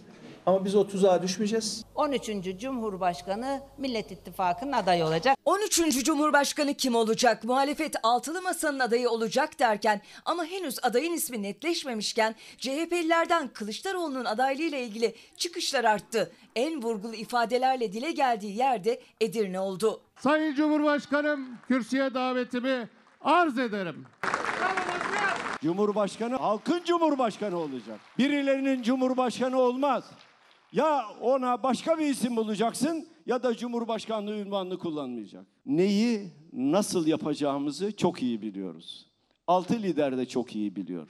Bütün mesele bunun zamanlaması. Kılıçdaroğlu akşam belediye başkanı Recep Gürkan'ın anonsunu tebessümle karşılayıp kürsüye çıkarken sabahında altılı masa vurgusu dikkat çekti. Edirnelilerin merakı da seçilirse sarayı ne yapacağı oldu. Sarayı ne yapacaksınız? Oturacak mısınız? Yoksa bir eğitim merkezi Çan- haline mi getireceksiniz? Çankaya. Bizim için makamsa Mustafa Kemal'in makamı. Hala Cumhurbaşkanı adaylarını açıklayamadılar. Bizim saray merakımız yok. Beyefendiye tahsis edilen 10 tane saray var. Hiçbir Osmanlı padişahına na- nasip olmamış kadar sarayım var ya. Biz ülkemizi mütevazi Çankaya'dan yönetmek isteriz. Erdoğan'a da söyledim. İsraf haramdır kardeşim ya. İsraf yapma ya. 10 mu 13 tane uçağın mı var ya? Yetmiyor mu bir uçak sana kardeşim ya? Kılıçdaroğlu'nun okları israf üzerinden Erdoğan'ı hedef aldı. Erdoğan ise partisinin MKYK toplantısında 20 yıldır Türkiye'ye kazandırılanları, sorunların çözümünün, çözecek kadroların AK Parti'de olduğunu anlatın, Eylül ayından itibaren sahada olun talimatı verdi. Size sözüm söz, o malı götürenlerin ceplerini tamamen dikeceğim. Arayacaklar cep bile yok. Sadece 2022 enerji faturamızın 100 milyar doları bulacağı göz önüne alındığında yürütülen çalışmaların manası daha iyi anlaşılacaktır. Abdülhamit Han gemimizi mavi vatana, Akdeniz'e yolcu ediyoruz. Sondajlarınız bereketli olsun diyoruz. Türkiye'nin dördüncü sondaj gemisi Abdülhamit Han Akdeniz'de Yörükler bir kuyusundaki sondaj yolculuğuna uğurlanırken Erdoğan'la Kılıçdaroğlu dış politikada da karşı karşıya geldi. Ne kuklalar ne de onların iplerini ellerinde tutanlar Akdeniz'de hakkımız olanı almamızı engelleyemeyecek. Kimseden izin veya icazet almaya ihtiyacımız yoktur. Düne kadar hakaret ettikleri kişilerin kapısına gittiler. Dilenci gibi el avuç açtılar. Ya biz Milli Kurtuluş Savaşı'nda bile el avuç açmadık. Seçim havası iyiden iyiye siyasetin söylemine otururken siyaset yarışında sözler sertleşti, adımlar hızlandı. Efendim şimdi altılı masanın adayı kim? Nasıl gözüküyor onu soracağım. Yalnız öncesinde Cumhurbaşkanı Erdoğan'ın bir açıklaması var önceki günlerde. Mesela altılı masaya curcuna masası ithamı. Sonra MHP lideri Devlet Bahçeli'nin Biden ittifakı sözleri var. Maalesef Zillet ittifakı PKK'nın kanlı ve kahredici istikametindedir. FETÖ'de ahtapot gibi bu ittifakı sarmış, siyasetine ambargo koymuştur. Bu ithamlara siz mesela sokakta karşılaşıyor musunuz? Vatandaş Ben bunları size yöneltiyor mu? Vatandaşın böyle bir gündemi yok. İşte bu da onların oluşturduğu yapay gündemlerden bir tanesi. Elbette ki provokatif amaçla bazı yerlerde gönderdikleri kişiler oluyor. Bu ifadelerden e, beslenerek e, bir takım e, taciz edici davranışlarda bulunuyorlar bizlere ama biz e, bütün bunların neden kaynaklı olduğunu biliyoruz. Eğer bir ülkede Cumhurbaşkanı bunları söylüyorsa e, elbette ki vat- ona gönül vermiş vatandaş da, vatandaşlardan e, bazıları da e, çıkıp muhalefet partilerine bu kabil ipe sapa gelmez e, suçlamalarda bulunabilirler. Biz mensubu bulunduğumuz partinin e, gücünü nereden aldığını biliyoruz. Biz Allah'a inanıyoruz, Türk milletine güveniyoruz. İyi Parti'yi de e, öyle kurduk. E, başka arayışların içerisinde hiçbir zaman olmadık. Bundan sonra da olmayacağız ama diplomasi alanında yürütülmesi icap eden ilişkileri de e, doğal olarak e, sürdüreceğiz. Bunu bugün de sürdürüyoruz. Yarın iktidarımızda da sürdürmeye devam edeceğiz. Bu isnat ve iftiralara cevap vererek zaman kaybedecek değiliz. Türkiye'yi bu gerçeklikten uzaklaştırarak bu yapay şeyleri e, tartıştırmak istiyorlar. Biz bu tuzağa hiçbir yerde düşmedik. Bundan sonra da düşmemeye özen göstereceğiz. Şimdi altılı masa dediniz. Altılı masanın öncelikle bir cumhurbaşkanı adayı belirlemek amacıyla e, toplanmış bir masa olmadığının bilinmesi lazım. Yani herkes altılı masa deyince aklına Cumhur altılı masanın Cumhurbaşkanı adayı e, kim olacak sorusunu getiriyor. Ben adayın kim olacağını biliyorum. Öncelikle bunu söyleyeyim. E, programın sonuna doğru da ifade ederim bunu. Ama ben e, şimdi altılı masa bir aday göstersin. Altılı masa ayrı bir şey. Sayın Genel Başkanımız biliyorsunuz. Türkiye'nin temel meselelerinin e, görüşülmesi, tartışılabilmesi, o meselelere çözüm üretilebilmesi için e, siyasete, İyi Parti siyasete girdiği andan itibaren bir memleket masasının e, kurulmasına ihtiyaç duyulduğunu ifade etmişlerdi. Türkiye'nin temel meselelerinin tartışıldığı bir masadır altılı masa. Altı siyasi parti katılıyor. Herkes işte oradan bir cumhurbaşkanı adayı çıkacağı beklentisine sokuluyor. Oysa Türkiye'nin parlamenter demokrasi bu ucube sistemden kurtulup parlamenter demokratik sisteme nasıl geçileceğinin konuşulduğu masa altılı masa. Türkiye'de seçim güvenliğinin nasıl sağlanacağının e, çerçevelendirildiği masa altılı masa. Altılı masanın e, tek misyonu e, Cumhurbaşkanı adayı çıkarmak değil. Millet İttifakı'nın adayı e, aranıyor ve bekleniyor. Altılı masada bulunan siyasi partilerin e, henüz ikisi Millet İttifakı'na e, dahil olup olmadıklarına dair bir açıklama yapmış değiller. E, Gelecek Deva Partisi ile Parti. Deva Partisi'ni kastederek söylüyorum. Biz Cumhuriyet Halk Partisi, Demokrat Parti ve Saadet Partisi ile 2018 genel seçimlerinde e, ittifak kurarak ve o ittifakı bir e, protokole bağlayarak e, hareket ettik. Daha sonra da yerel liderler seçim trafiği devam ediyor değil mi? Bugün de tabii, mesela tabii, CHP tabii, lideri tabii. Saadet Partisi yerel, lideriyle yerel, görüşecek. yerel seçimlerde de Cumhuriyet Halk Partisi ile ittifak kurduk. Bunlar da memleket açısından e, ihtiyaç hasıl olduğu için, Türkiye açısından gerekli olduğu için kurulmuş ittifaklardır. Dolayısıyla yani siyasi partiler e, altısı bir araya gelmek suretiyle bir koalisyon oluşturmuş değildir.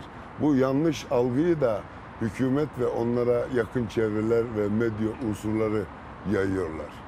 Biz e, bugün o altılı masada oturan e, her siyasi partinin kendine has e, programları olduğunu, kendine has dünya görüşlerinin olduğunu ve onlar, onları her fırsatta dile getirdiklerini görüyor ve gözlemliyoruz. Dolayısıyla böyle olup biten şeylere şimdi Türkiye Büyük Millet Meclisi'nde zaman zaman biz e, bazı kanunların çıkarılması noktasında hükümete destek veriyoruz. Bu e, ila nihaye bir e, ortaklık anlamına gelmiyor. Ayrıca İyi Parti'nin Cumhuriyet Halk Partisi ile olan e, seçim ittifakları da e, Cumhur İttifakı'nın yaptığı gibi mezara kadar bir e, ittifak değildir. Adalet ve Kalkınma Partisi ile Milliyetçi Hareket Partisi arasındaki ittifak ile Cumhuriyet Halk Partisi ile İyi Parti arasındaki ittifak farklı ittifaklardır.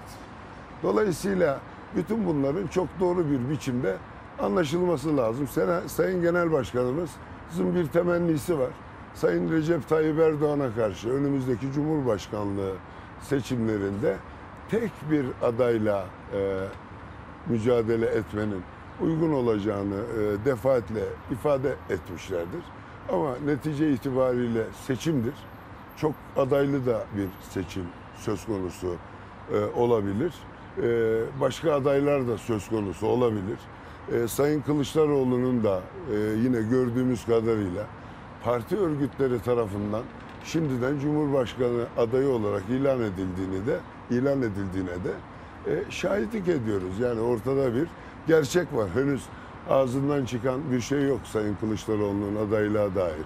Ama partisinin, e, Cumhuriyet Halk Partisi'nin e, sözcüleri, yetkili organları e, Sayın Cumhurbaşkanı diye kürsüye bile e, davet edebiliyorlar kendisini. Dolayısıyla parti teşkilatı içerisinde de kabul almış gibi görünüyor. Yani Cumhuriyet Halk Partisi içerisinde. E, köprünün altından ne kadar su akar bilmiyoruz. E, ama siyasette rahmetli Süleyman Demirel'in dediği gibi 24 saat bile uzun bir, çok uzun bir e, zamandır. Neler olacağını zaman gösterecektir. Dediğim gibi ben adayımızı biliyorum. Bizim adayımızın adı demokrasi, soyadı da adalet ve hürriyet olacak. Evet Musavat Dervişoğlu e, Cumhurbaşkanı adayının kim olduğunu bu sözlerle ve bu vurguyla aslında demokrasi adalet vurgusuyla iletmiş oldu. E, şimdi siyasetten devam ederken siz de dikkat çektiğiniz yani seçim güvenliği önemli dediniz. Nasıl bir seçime gidiyoruz sizce? Yani zorlu bir seçim süreci mi olacak? Bir de mesela CHP e, sözcüsü Faik Öztürk'ün bir açıklaması oldu. Erdoğan'a yönelik olarak. Erdoğan'a hatırlatırız Rusya'dan seçim öncesi birkaç milyar dolar gelsin. Rus siber timleri seçimlerde sarayı desteklesin de ne olursa olsun anlayışıyla gizli saklı götürdüğünüz işler varsa bunlar gün gelir önünüze çıkar. Bunlar şimdi bu e, spekülatif beyanlar fikir e, sahibi olmadığım... Yani size gelen böyle bir bilgi Şeyi söylüyorum şimdi bakın ben e, bu tarz tartışmalardan yana değilim. Yani e, milletin gerçeklerinin konuşulmasından yanayım. Bunlar işi gerçeklikten alıp başka tartışmalara da götürebilir. Ben milli iradeye inanıyorum. Vatandaşın oy kullanma tercihinin e, yanılmayacağına inanıyorum. Oy kullanma iradesinin sapmayacağına inanıyorum. Buradan açık ve net olarak da e, söylüyorum.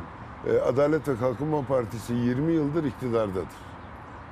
Yani 20 yıl e, boyunca seçim kazanmış olan e, bir iktidara oy vermiş vatandaşın mutlak surette haklı gerekçeleri vardır. Ben Adalet ve Kalkınma Partisi'ne son seçimlere kadar oy veren seçmenin oy kullanma tercihine saygı gösterdiğimi buradan kamuoyuna ilan ediyorum. Ama ortada bütün bu olup bitenlerden sonra başka bir gerçeklik var. Adalet ve Kalkınma Partisi'ne oy veren seçmenin oy vermekten vazgeçeceğine dair ciddi emarelere rastlıyoruz.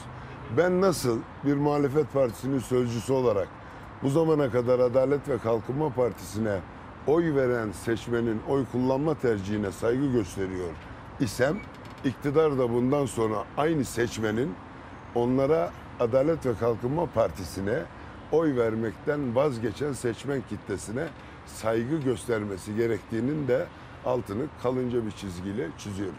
Bu zamana kadar AKP'ye oy verip iktidar yapan vatandaş haklıdır.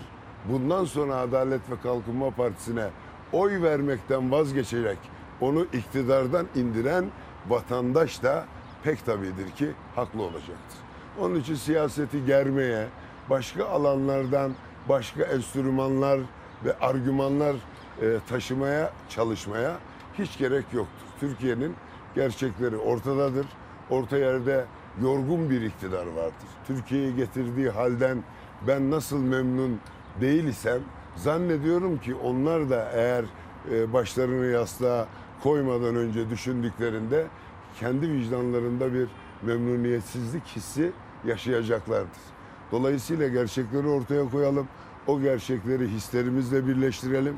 Türkiye'nin geleceğini, Türkiye'nin kurtuluşuna vesile olabilecek adımları karşılıklı olabilerek ola- karşılıklı olarak e, atabilecek imkanı birbirimize tanıyalım. Seçim güvenliği derken seçim son derece teknik bir iştir. Ye- Yeni çıkarılmış e, seçim kanununa göre de e, bazı partiler siyasette iddialı olmalarına rağmen sandık kurullarında temsil edilmeyecekler. Dolayısıyla sandıkların e, doğru bir biçimde e, beklenmesi, keza sandık hizmetlerinin yine doğru bir biçimde yerine getirilmesi için bir ön çalışma gerekiyor. Yani biz seçim güvenliği meselesini sadece muhtemel seçim hilelerini engellemek için e, ele almıyoruz salt. Başka gerekçeleri de var. Çünkü seçim son derece teknik bir iş. O alanla ilgili de siyasi partilerimizin yetkili organlarında bu işlerle görevli genel başkan yardımcıları seri biçimde toplantılar yapıyor. Bakın şunu söyleyeyim. Bir sürü üzerinde tartışılacak konu var Türkiye'de. İşte KPSS sınavları var. O alandaki yolsuzluklar var. Adalet huzur- huzurunda vatandaşın eşit sayılabilmesi hususundaki kaygılar var ki bütün dünya bunu e, hukuk felsefesi açısından e, 300 yıl önce çözmüş. Biz bunu bugün e, tartışıyoruz. Cinsiyet üzerinden, etnisite üzerinden, kök şey üzerinden, mezhep üzerinden bir takım tartışmalar e, yaşanıyor. Ama e, gelişmiş e, Batı ülkeleri uzayda nasıl koloni kuracakların hesabını yapıyor.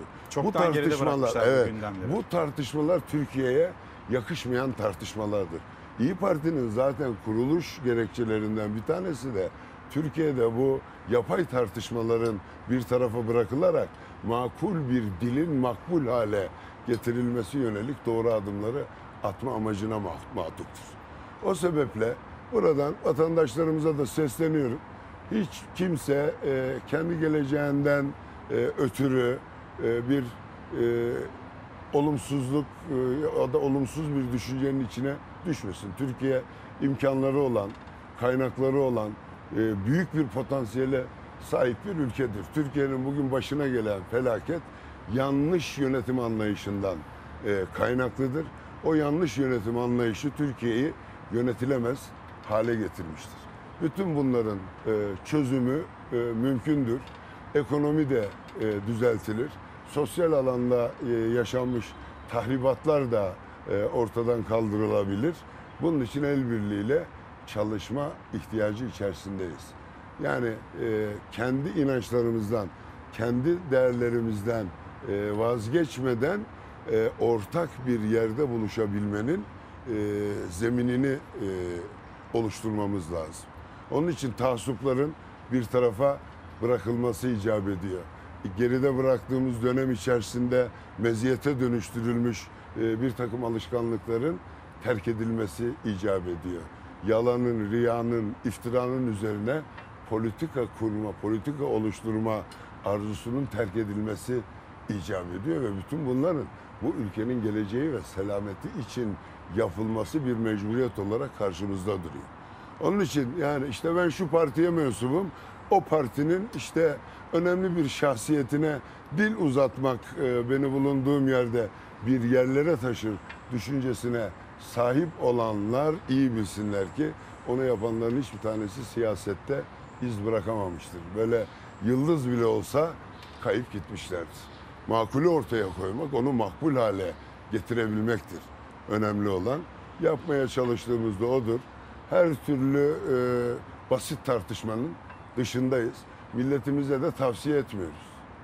Şu anda çiftçi toprağa düşürdüğü terin karşılığını alamıyor. Çünkü girdi maliyetleri çok yüksek. Bu alanda hamle yapmak mecburiyetindeyiz. Gençler geleceklerine dair umut yeşertemiyorlar. Ve dolayısıyla başka bir ülkeye gitmek için e, şimdiden e, araştırma yapmaya başlıyorlar. Bu ülkede yaşamak istemiyorlar. Oysa Cumhuriyet'in kurulduğu ilk yıllarda bu memleketin yetimhanelerinden çocuk toplanarak e, Avrupa'ya, Amerika'ya eğitime gönderildi ve o çocuklar Türkiye'ye dönerek hizmet ettiler. Biz kendi okullarımızda yetiştirdiğimiz çocukları Türkiye'de tutmayı beceremiyoruz.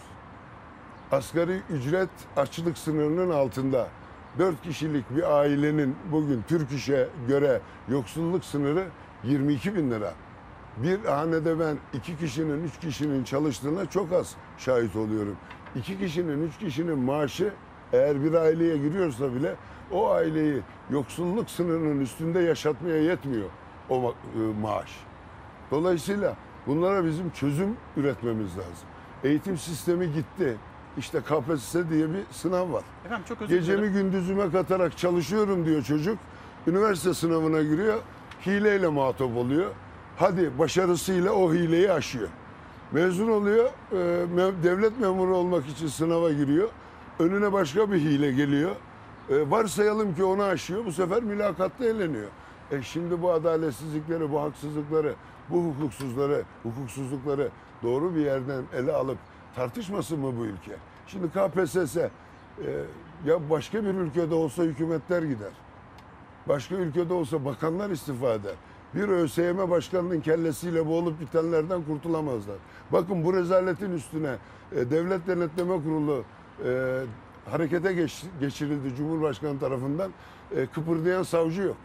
Bütün bu rezaletin arkasında gözaltına alınmış, yargılanmış, sorgulanmış, tutuklanmış adam yok. Burası Patagonya mıdır? Efendim burada bir virgül koyalım. 5 dakikanız daha var mı? Benim hızlı bir Benim şekilde zaman reklamlara, sorunum- zaman sorunum reklamlara yok. Bir gitmem lazım. Hızlıca reklamlara gideceğim. Yalnız bir bilgi. Dün akşamdan itibaren mazota 1 liralık indirim gelmişti sevgili seyirciler. Bu akşamdan itibaren mazota 81 kuruşluk zam geliyor. Döndüğümüzde bunu da konuşalım. Efendim bir kez daha günaydın. Çalar Saat'te devam ediyoruz. Misafirimiz konuğumuz İyi Parti Grup Başkan Vekili Mustafa Dervişoğlu. Şimdi Çalar Saat'in başlangıcında efendim biz bir son dakika haberi verdik. Geceden sabaha motorinde bir indirim. O son dakika haberine yetiştik ve paylaşabildik ama gelen zamma yetişemiyoruz. Şöyle bir durum var. Bu gece yarısından itibaren motorine zam geliyor. Dün gece 1 liralık indirim gelmişti. Şimdi 81 kuruşluk zam var. O da bu geceden itibaren. Yani bugün motorine alınmazsa e, 19 kuruşluk bir zam ya da indirim. Hani 19 kuruşluk bir indirimden faydalanacak. E, Vatandaş, çiftçi nedir yani yorumunuz? Ya şimdi işte e, bu çok ilginç bir şey.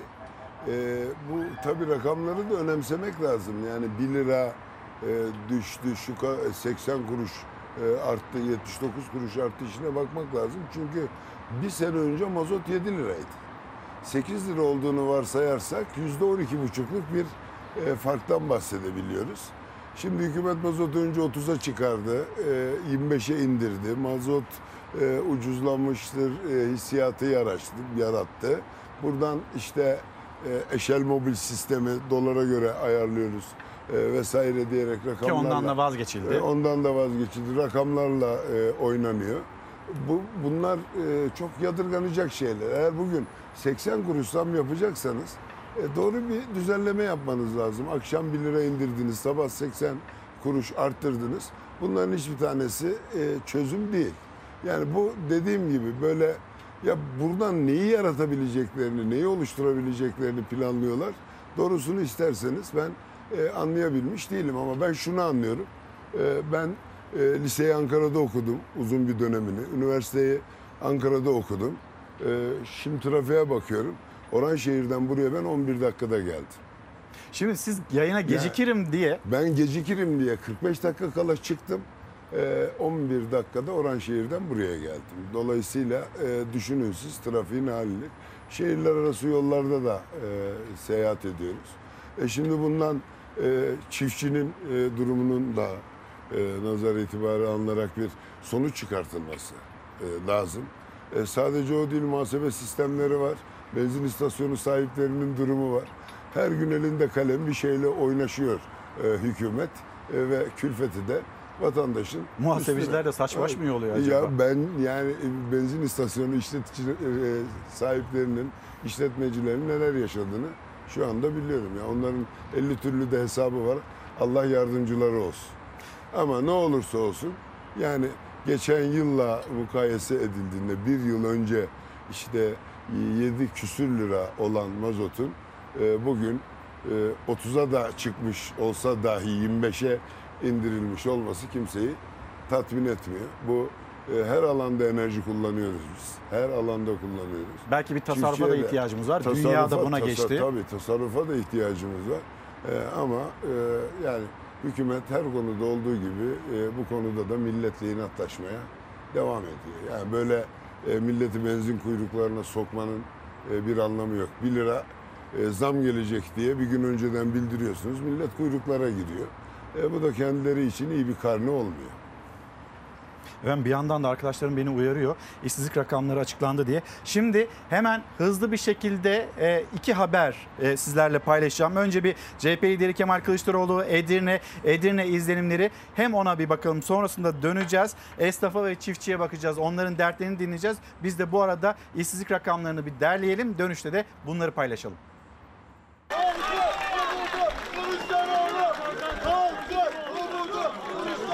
Korsan bir miting düzenlemişsiniz. Hepinizi Silivri'ye göndereceğim. Hoş geldiniz. Hoş geldiniz. Esnaf kardeşlerimden de gelemedim, elimi uzatamadım, tokalaşamadım. Kusura bakmayın.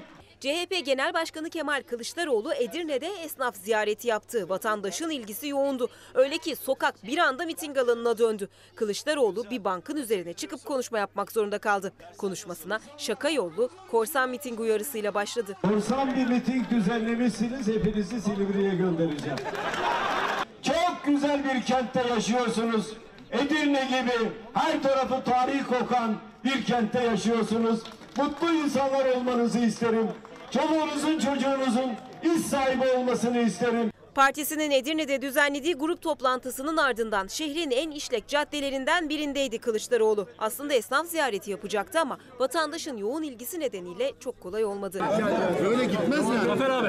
Gelecek Partisi'nden. Gelecek Partisi'nden. Bol bol resim çektirdi CHP lideri. Kalabalığın arasından kendisine ulaşan petrol işçilerinin derdini dinledi. Bahadır Petrolcüler. Geçen hafta sizi orada eylem yaptık. Allah razı olsun sizden. Bize yer verdiniz. Sesimizi duymaya çalıştınız. Ama halen mağduruz. Halen güme gün istasyonlarımız kapanıyor. Allah için sizden yardım diliyoruz. Çoluk çocuğumuz var. işçilerimiz var. CHP liderini yakalayan bir gençse okumak istiyorum ama eğitim pahalı dedi. Ben size çok güveniyorum genç olarak. Yetenekli insanlarımız var. Niye onlar Avrupa'da kendilerini gösteriyordu, burada gösteremiyor? Benim tek isteğim bu. 16 yaşında bir gencim, okul hayallerim var. Üniversiteye gitmek para, her yere gitmek para ama ben güveniyorum, sizlere güveniyorum başkanım. CHP lideri yaptığı konuşmada sandıkta elinizi vicdanınıza koyup oy verin çağrısını yineledi. 7'den 70'e hiçbir ayrım yapmadan doğusu batısı, güneyi kuzeyi, esnafı, zengini, sanayicisi, işçisi, memuru, emeklisi, taksicisi, şoförü, tır şoförü kim olursa olsun herkesin kazandığı, her evde huzurun olduğu bir Türkiye inşa edeceğiz. Bunun için bize katılın. Haziran ayı işsizlik verileri açıklandı. Haziran ayında işsizlik oranı Mayıs ayındakine göre ki Mayıs ayında %10.6 olarak açıklanmıştı işsizlik rakamı TÜİK tarafından ve şimdi %10.3 olarak açıklanıyor. Dolayısıyla Haziran ayında Mayıs ayına göre baktığımızda işsizliğin düştüğünü görüyoruz TÜİK'e göre. TÜİK Haziran ayı iş gücü verilerini açıkladı. Buna göre işsizlik oranı Haziran'da %10.3 oldu bilgisi bu. 15 ve daha yukarı yaştaki kişilerde işsiz sayısı Haziran'da bir önceki aya göre 136 bin kişi azaldı. 3 milyon 541 bin kişiye geriledi. Ama İşkur'un kapısına baktığımızda e, TÜİK'in rakamlarıyla İşkur'un rakamları birbirini tutmuyor. Ne dersiniz bu işsizlikle Vallahi ilgili? hükümet işin içinden çıkmak istiyorsa Türkiye'de işsizlik yok desin kurtulsun. Yani ne tür bir işsizlik oranıyla karşı karşıya bulunduğumuzu biz yurt içi seyahatlerde de görüyoruz. Şurası Türkiye Büyük Millet Meclisi. Ee, vatandaşın bizden bize iletilmiş taleplerinden de görüyoruz. Türkiye'de ciddi bir işsizlik e, sorunu var. Bu rakamlar neye göre düzenleniyor zaten kendileri de açıklıyor. E, iş aramaktan vazgeçen e, kişinin pozisyonuna bakarak onu artık işsizden saymıyor hükümet. Çünkü e, iş aramış, bulamamış. İş aramaktan umudunu kesmiş adam. O sebeple e, müracaatlarını da geri çekmiş olanlar var. Ben talepler üzerinden değerlendiriyorum. Türkiye'de ciddi bir işsizlik sorunu var. Yani üniversite mezunu olan e, gençlerimiz e, sokakta. Biz e, eğitim fakültelerinden mezun olanları, mühendislik fakültelerinden e, mezun olanları yurt içi e, seyahatlerimizde ve esnaf e, ziyaretlerimizde e, kasiyer olarak görüyoruz. Yani bu e, çok ilginç e, ama hükümet dediğim gibi rakamlar üzerinden bir e, iyilik hissi oluşturmaya çalışıyor. İşte ekonomi uçuyor, cari açık azalıyor, işsizlik azalıyor. Bunlar da TÜİK marifetiyle yapılıyor. Şimdi güvenilir bir kurumdu TÜİK. E, baktığınızda e, son derece e, sıkıntılı sonuçlar paylaşıyor e, kamuoyuyla. Bu da sadece bir kuruma olan güveni değil, e, devlete olan güveni de e, aşındırıyor. Bir e, çürümüşler vesile oluyor. İşte televizyonlarda gösteriyorsunuz. Esnaf ziyaretleri yapıyor siyasi partiler. Bunları başlatan Sayın Genel Başkanımız. Bu formatı ortaya çıkaran Sayın Genel Başkanımız. Siyasi partiler biliyorsunuz e, geçmişte görkemli mitingler yapardı. 20 Ocak 2020 tarihinden itibaren Sayın Genel Başkanımız Anadolu'yu il il, ilçe ilçe geziyor. İller noktayı nazarından bakarsanız birinci turu tamamladı. İkinci turu yapıyor. İşte e, bugün, yarın, öbür gün Niğde, Nevşehir ve e, Aksaray'da olacak e, kendileri. Türkiye'de aslında siyasete örnek teşkil edecek e, adımları da atan bir e, parti olarak temayüz ediyor İyi Parti. Diler ve umarım ki e, tıpkı Cumhuriyet Halk Partisi gibi e, Adalet ve Kalkınma Partisi de esnaf ziyaretlerine başlar. E, liderleri başta olmak üzere küçük ve lokal e, halkla buluşmaları gerçekleştirir. Biz de e, diğer siyasi partilerin e, takip edeceği e, önermeleri ve e, faaliyetleri yapmaya devam edeceğiz. Çeşitlendirerek. Efendim bugünün toparlamasını yapalım sizinle birlikte.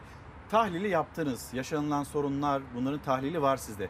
Peki çözüm ana başlıklar alt- altında İyi Parti'nin çözüm önerileri onları da dinleyelim sizden. Öncelikle Türkiye'nin karşı karşıya bulunduğu bu ucube sistemden kurtulması, e, Cumhurbaşkanlığı hükümet sistemi diye tanımlanan e, tek adamlıktan e, vazgeçmesi, iyileştirilmiş, güçlendirilmiş parlamenter demokratik sisteme dönmesi gerekiyor. E, dezavantajlı, dezavantajlı grupların sorunlarıyla alakalı olarak e, çeşitli vesilelerle yapmış olduğumuz kalkınma kongrelerinde neleri yapacağımızı anlatıyoruz. E, partimizin resmi internet sitesinde de çözüm önerilerimiz var. Bir iki dakikaya bütün bunları sığdırabilmemiz e, mümkün olamaz. E, ekonomi alanında, e, efendim eğitim alanında, hukuk ve adalet alanında neler yapılması, e, insan hakları alanında e, neler yapılması icap ettiğinde gittiğimiz her yerde kamuoyuyla gittiğimiz her yerde kamuoyuyla paylaşıyoruz bunları. Türkiye çaresiz değildir, umutsuz değildir, bu iktidara mecbur değildir. Ee, ve vatandaşlarımızın onları bilmesi lazım. Türkiye'nin umudu var. Herkes soruyor Cumhurbaşkanlığı e, kim olacak, Cumhurbaşkanı adayı kim olacak? Onun üzerinden bir tartışma yürütüyor. Biz bu sisteme, sistemin değişeceğine olan inancımızı ortaya koyabilmek bakımından bizzat Sayın Genel Başkanımızın ağzından e, Türkiye'yi yönetmeye talip olduğumuzu ifade ettik. Kaçıranlar olabilir. Cumhurbaşkanı adayının ismini bir kez daha söyler misiniz? Cumhurbaşkanı adayımızın adı demokrasi, soyadı adalet ve hürriyet efendim. Ee, Sayın Genel Başkanımız sistemin değişeceğine olan inancını ortaya koymak bakımından Cumhurbaşkanı adayı olmayacağını söyledi. Başbakanlığa e, talip olduğunu ifade ettiler. Önümüzde seçimler var. Milletimizden e, ta- bu bize yöneltilmiş takdir ve teveccühün e, oya döndürülmesini e, bekliyoruz ve e, göreceksiniz sandıklar açıldığında İyi Parti e, seçim akşamı birinci parti olarak sandıktan çıkacak ve iktidar olmanın zaferini kutlayacaktır. Bu benim sıradan bir e, temennim e, değil, aynı zamanda milli bir beklentimdir efendim. Efendim çok teşekkür ederim. Ben teşekkür Geldiniz ederim. Çalar Saat'te misafirimiz olduğunuz İyi Parti Grup Başkan Vekili Mustafa Dervişoğlu ile konuştuk. Bir kez de şunu söyleyeyim aslında biz Temmuz ayında buluşmayı istiyorduk fakat geçmiş olsun o dönemde koronayı Çok- atlattınız. çok teşekkür ederim. Nasıl geçti onu da sorayım. Sonraki haberimiz çünkü korona ile ilgili. Ee, Bir uyarınız varsa. Ucuz atlattık diyebilirim çünkü ben öncesinde bir de zatüre geçirmiştim. Geçmiş olsun. Ee, işte gayet iyi geçti Allah'a bin şükür. Allah kimseye vermesin bu Allah e, kazalardan, belalardan, hastalar, e, hastalıklardan milletimizi muhafaza eylesin. Hasta olanlarımıza e, şifa diliyorum. Kendilerine dikkat etsinler. Oldukça yoğunlaştığı söyleniyor. Tedbire, maskeye, mesafeye özen göstermelerini buradan tavsiye ediyorum. Ben de misafirperverliğiniz, kadir şinaslığınız ve hoşgörünüz için şükranlarımı sunuyorum. Estağfurullah yayın efendim. kuruluşuna da çok teşekkür ediyorum. Sağ olun biz teşekkür ederiz. Ve şimdi korona. Son günlerde biraz kıpırtı var. Vakaların artışına paralel olarak aşı yaptırma isteği olanların sayısında bir artış oldu ama asla beklenen düzeyde değil. Son derece düşük. 6 ay içerisinde yaptıran hemen hemen hiç yok. Türkiye'de aşılama durma noktasına geldi. Zamanı gelmesine rağmen hatırlatma dozlarını tamamlayanların oranı %35'te kaldı. Salgınsa hiç hız kesmiyor. Omikron varyantı Türkiye'de hızla yayılmaya devam ediyor. Türk bilim insanı Uğur Şahin'in başında bulunduğu Biontech'ten Omikron'a göre güncellenen aşıda sona yaklaşıldığı açıklaması geldi. Ekim'de dağıtıma çıkması planlanıyor. Ekim ayına daha iki buçuk ay var. Hemen dağıtıma çıkar çıkmaz Türkiye'ye gelip gelmeyeceğini henüz bilmiyoruz veya ne kadar geleceğini de bilmiyoruz. Bütün popülasyona yetecek kadar aşı gelmeyebilir. 3 dozun üzerinden 6 ay geçenlere 4. doz aşı hakkı açıldı. Ama aşıya talep azaldı. Zaten 4. doz aşısını yaptıranların sayısı tabloda yer almıyor. Vaka ve vefat sayısı ise günden güne artıyor. Vakaların bu kadar artmasının en önemli nedeni son 6 ayda aşısını yaptıranların sayısının son derece düşük olması. Ve omikron varyantının da artık tüm dünyada olduğu gibi ülkemizde de dominant hale geçmiş olması. Eğer bu şekilde devam ederse vaka sayılarındaki artış çok daha fazla olacak. Belirtilen vaka sayılarına da lütfen itibar etmeyiniz. Çok çok daha fazla infekte vaka var. Artık insanlar eczaneden satın alarak evde kendileri test yapıyorlar. Yeterince test yapılmadığı için uzmanlara göre açıklanandan da fazla vaka sayısı. Yayılım hızını azaltmanın yolu hala aşılamadan geçiyor. Ancak her dalgada yeni varyantlarla aşının etkisinin azalma ihtimali var. O yüzden BioNTech alt varyantlarda da etkili güncel aşı için klinik testlere başladı. Aşı testlerden geçerse Ekim ayında dağıtımına başlanacak. Gençlerin aşıyı bekleme şansları var. Ama özellikle risk grubunun vaka sayıları çok fazla olduğu için antikorlarını pekiştirmeleri lazım. Enfeksiyon hastalıkları uzmanı Profesör Doktor İftihar Köksal'a göre özellikle risk gruplarındakiler güncel aşıyı beklemeden mevcut aşılardan yaptırmalı. Çünkü özellikle kalp damar hastaları, şeker hastaları, akciğer ve onkoloji hastalarının hastaneye yatışları arttı. Bunların hepsinin ortak noktası aşısız olmaları. Yani son 6 ay içerisinde aşısız olmaları ya da hiç yaptırmamış olmaları.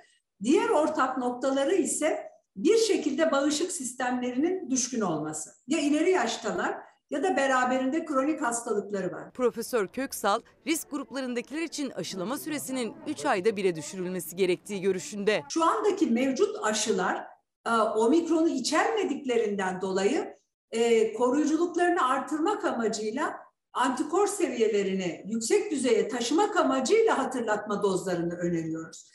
Ve yapılan çalışmalar da şunu gösterdi. Aşı ne kadar yakın yapıldıysa omikrona karşı o kadar korunmak mümkün. Sevin Hanım günaydın Sevin Atak. Eskidendi saygı, sevgi, karşılıklı tartışma, sohbet. Liderler bile saygılıydı birbirlerine karşı. Gülerek aynı masanın etrafında buluşurlar ve aynı zamanda eleştiride olurdu ama yine de birbirleriyle konuşabilirlerdi mesajını paylaşıyor bizimle. Nusret Dedeoğlu Instagram'dan göndermiş. Eskidendi bolluk bereket güzel günler. Şimdi ise borç, üzüntü, belirsizlik ve yarından umudunu yitirmek. Bizdeki hissiyat maalesef bu şekilde. Koronavirüsle ilgili uyarıları dinlediniz. Bir de şimdi önümüzdeki süreçte sonbahar aylarıyla birlikte vaka sayısının daha fazla artabileceği ki yoğun bakımlardaki doluluk oranlarının yine yükseldiğinin bilgisini aktaralım. Dünyada koronavirüste vaka sayısında 5. ülke seviyesinde Türkiye. Bu uyarı da yine aklımızda olsun ve çok yoğun bir çalışma dönemine girebilir. Yine e, böyle evlerini, evlatlarını, çocuklarını uzaktan böyle takip etmek zorunda kalabilir sağlıkçılarımız. O dönem pandemi günlerinde böyle alkışlamaktan ellerimiz kızarırdı.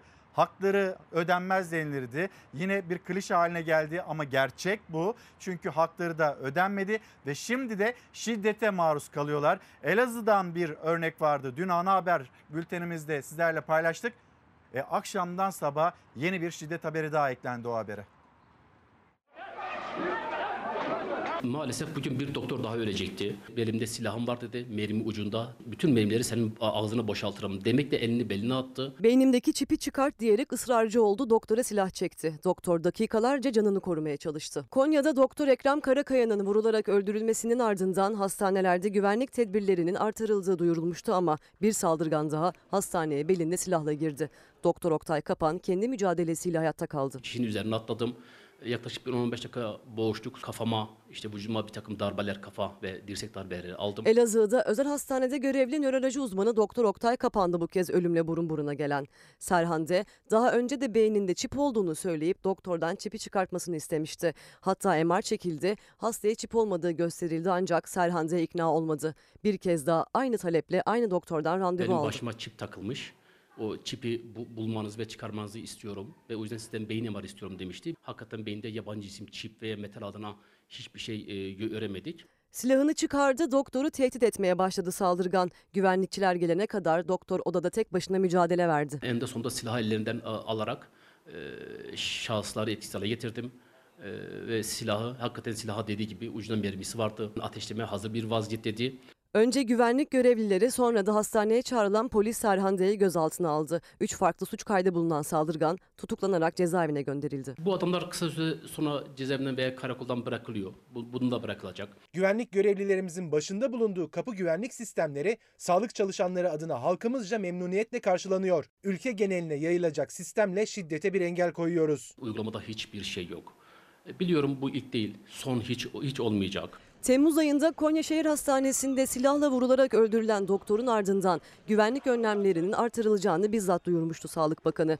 Ancak çoğu devlet hastanesinde ve özel hastanede hala X-ray cihazı yok. Doktor Oktay Kapan kendi canından ve meslektaşlarının canından endişe ettiğini söyledi. Bakanlığa çağrıda bulundu. Adliye ve hükümet konağa girdiğimizde kapıda X-ray cihazları var. Kimse silah, bıçak veya kesici aletine giremiyor.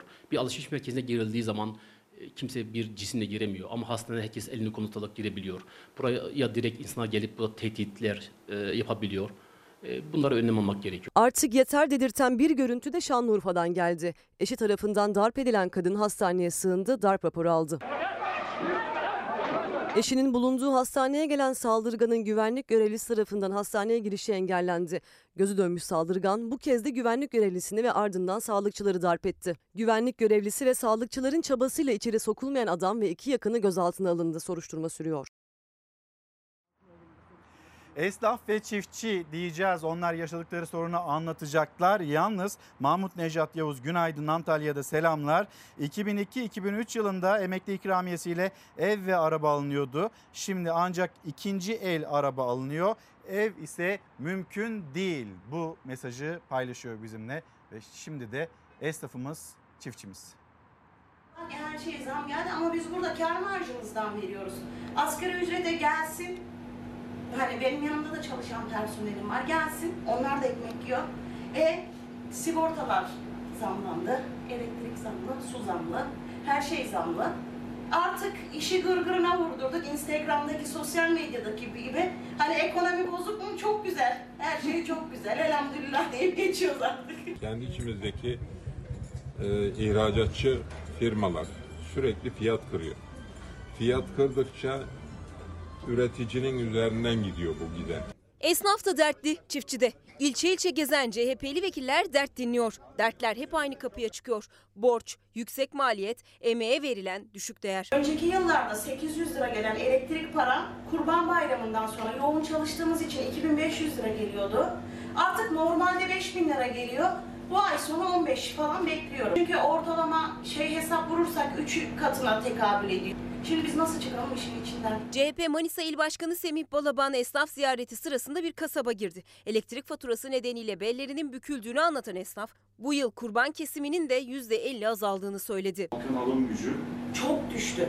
Bu, bu yıl Kurban Bayramı'nda kesim bile küçük yerde yaşamamıza rağmen şu anlayış var bizde konudan komşudan utanılır. Hani kesmedi demesinler diye insanlar bütçelerini zorlayarak kesiyorlardı. Bu yıl yüzde elli düşüş. Satışları söylemiyorum artık ya. Çok komik rakamlarla kasa kapatıyoruz. Bütün esnaf böyle. Bir ay sürüyordu kur- kasapların kurban bayramı krizi artık beş ay sürüyor. Gaziantep'li üreticilerse teşvik istiyor. Dertlerini CHP Gaziantep Milletvekili İlhan Kaplan'a döktüler. Teşvik var, Manisa'ya var, Alaşehir'e var, her tarafa teşvik var. Bizim bu bölgeye, İsrail bölgesine üzüm teşviğimiz yok. Onu da istiyoruz. Şanlıurfalı üzüm üreticisinin teşvik veriyorlar dediği Manisa'da da üretici mutlu değil aslında. CHP Manisa Milletvekili Ahmet Vehbi Bakıroğlu'nun ziyaret ettiği köyde üretici ihracatçı firmalardan yakındı. Erkenden üzümleri sattık. Geri geldi. Bu oyun Türk üzümünün önünü kesmek için bir oyundur. Olgunlaşmamış üzümü gönderirsiniz. Rusya'dan piyasaya geri gelir. Olsun o filan ihracatçının 3-5 kamyonu tırı dönsün. Ama onu kim ödeyecek? O ihracatçı ödemeyecek. Onu sen ödeyeceksin. İbrahim Bey günaydın Twitter'dan yazmış işsizlik oranlarına değil de işi olanların sayısına mı baksak acaba belki daha doğru bir sonuca çıkarız diyor.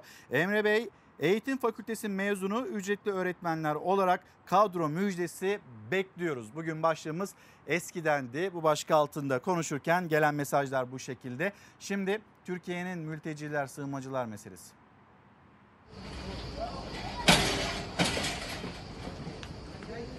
Avrupa'ya gideceklerini düşünerek bindikleri kamyonet kasasından Muğla'da indiler. Sokaklara dağılan 24 kaçak göçmen polis ekipleri tarafından yakalandı. Aydın'ın Didim ilçesinde ise 97 kaçak göçmen ilçe emniyet müdürlüğüne götürüldü.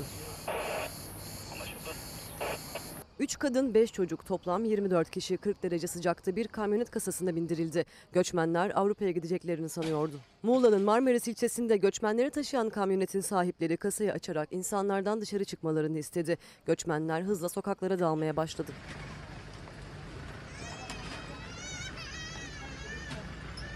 Kamyonetin hurda toplama taşıma işlerinde kullanıldığı tespit edildi. Sahibi ve Filistin uyruklu bir kişi dahil iki kişi insan kaçakçılığından gözaltına alındı. Sokaklara karışan 24 göçmen ekipler tarafından yakalanarak yabancılar şubesine teslim edildi. Aydın'ın Didim ilçesinde yine aynı şekilde bir kamyonetin kasasında taşınan 97 göçmen yakalandı. Suriye, Filistin ve Mısır uyruklu göçmenler Didim İlçe Emniyet Müdürlüğü'ne getirildi. Yapılan işlemlerin ardından İl Göç İdaresi Müdürlüğü'ne teslim edildiler.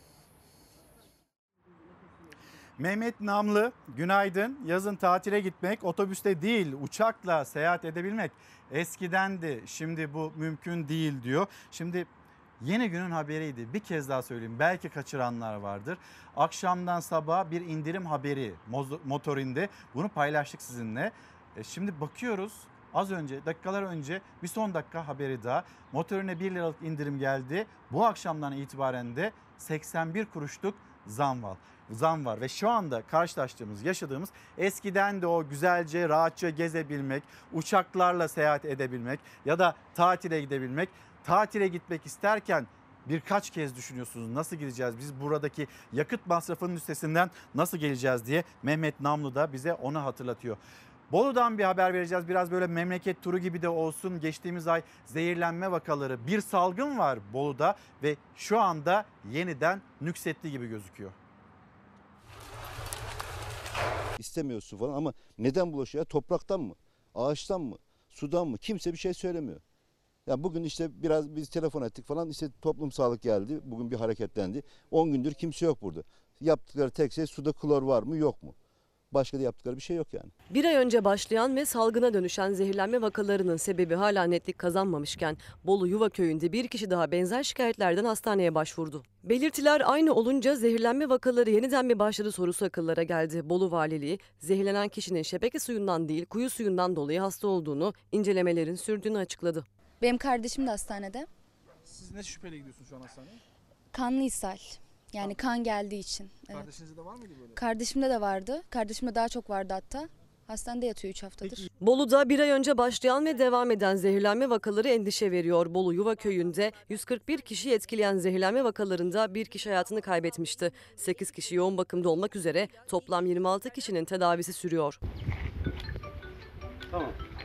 Kanlı ishal şikayetlerinin sürdüğü köyde bir kişi daha hastaneye başvurdu. Benzer semptomlar yaşayıp hastaneye gitmeyenlerin de olması vakaların yeniden artına dair endişeleri tetikledi. Dün başladı benim daha. Su kullandınız mı? Kullanıyor musunuz? Su hiç kullanmadım. Hazır su kullanıyoruz. Sadece hani duş almak için, diş fırçalamak için falan hani anca. Onda da mideye gitmediği sürece sıkıntı olmaz dediler ama nasıl geçtiğini bilmiyorum. Yeni vakalarla korkuların geri döndüğü köyde vatandaş hastalığın ayrıntılı incelenmesini artık bir çözüm bulunmasını istiyor. Kardeşim çocuğu yatıyor. İkincisi burada hasta. Ya şimdi bizim talebimiz şu. Hani su falan istemiyoruz artık yani. En azından bize neden bulaştığını söylesinler. Yani banyo yapabileceğiz mi suyla? Bulaşık yıkayacağız mı? Çamaşır yıkayacağız mı? Yani bir ağaçtan mı konacağız? Topraktan mı konacağız? Birisi bir şey çıksın söylesin bize yani. Bir skandal, bir felaket. Bugün pek çok gazetenin de manşetinde var. Korkusuz gazetesinden okuyalım. Pissiriz. Gördüğü manzara güzel oyuncuyu isyan ettirdi. Kilyos'ta sahili kaplayan çöpleri ve plastiği yuttuğu için ölen yavru Yunus'u görüntüleyen Yasemin Alen ateş püskürdü. Merhaba arkadaşlar. Burası Kilyos sahil. Kilometrelerce beyaz plastik atık dolu. Burada ölü bir yunus yavrusu var ve içi gördüğünüz gibi plastik dolu. Yemekten ölmüş bunları. Oyuncu Yasemin K. Allen bu paylaşımla yayınlamıştı Kilyos'un atıklarından geçilmeyen sahilini. Bugün plaj belediye ekiplerince temizlendi. Ancak Kilyos'un temizlik öncesi içler acısı hali hala tepki topluyor. Temizliğini kim üstlenecek? Ve faturası hangi hayvanlara ve hangi insanlara kesilecek? Allen'ın çektiği görüntülerde kameraya plastik atıklar dışında ölü bir yunusun da takılması sahilin içler acısı halini ortaya koydu. Yazıklar olsun. Ünlü oyuncu çektiği videoyu sosyal medya hesabından hem bakanlığı hem Sarıyer hem de İstanbul Büyükşehir Belediyesi'ni etiketleyerek paylaştı. Belediye ekipleri kilometrelerce plastik atıkla kaplanan sahil şeridini temizledi.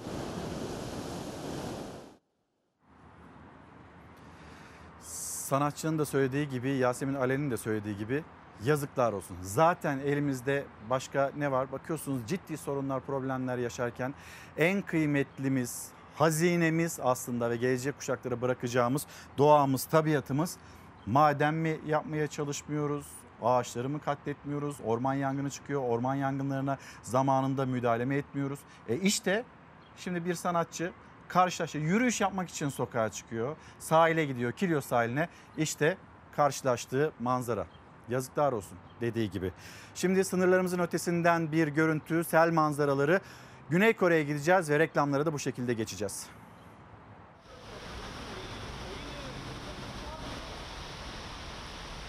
Güney Kore'ye şiddetli yağmur vurdu. Sel şehirleri alt üst etti. Evler, metro istasyonları, caddeler sular altında kaldı. Güney Kore'de başkent Seul ve çevresinde sel felaketi yaşandı. Yetkililer 8 kişinin hayatını kaybettiği, 6 kişinin de kayıp olduğunu paylaştı. Arama kurtarma çalışmaları devam ederken can kaybının artmasından endişe ediliyor. Elektrik hizmetleri ve tren seferlerinin aksadığı afet bölgelerinde yaklaşık 800 binanın hasar gördüğü en az 790 kişinin tahliye edildiği açıklandı. Bakanlık su baskınları izleme seviyesini kırmızı alarma çevirdi. Kore Orman Hizmetleri ülke genelinde 47 şehir ve bölgede toprak kayması uyarıları yayınladı.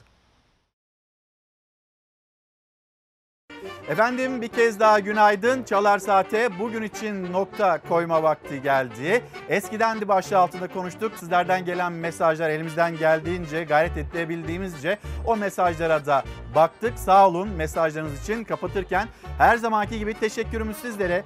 Bizi izlediğiniz için teşekkür ederiz. Ben İlker Karagöz Ankara'dan dilimiz döndüğünce gündemi aktarmaya gayret ettik. Ankara ekibimize, İstanbul ekibimize ve işaret dilinde de Ayça Aybüke Kurt'a teşekkür ediyoruz. Bir aksilik manikeler olmazsa yarın sabah saatler 8'i gösterdiğinde bizler yine burada olacağız. Türkiye'nin, dünyanın, sizin, bizim gündemimizde sizleri de bekliyoruz. Güzel bir gün olsun.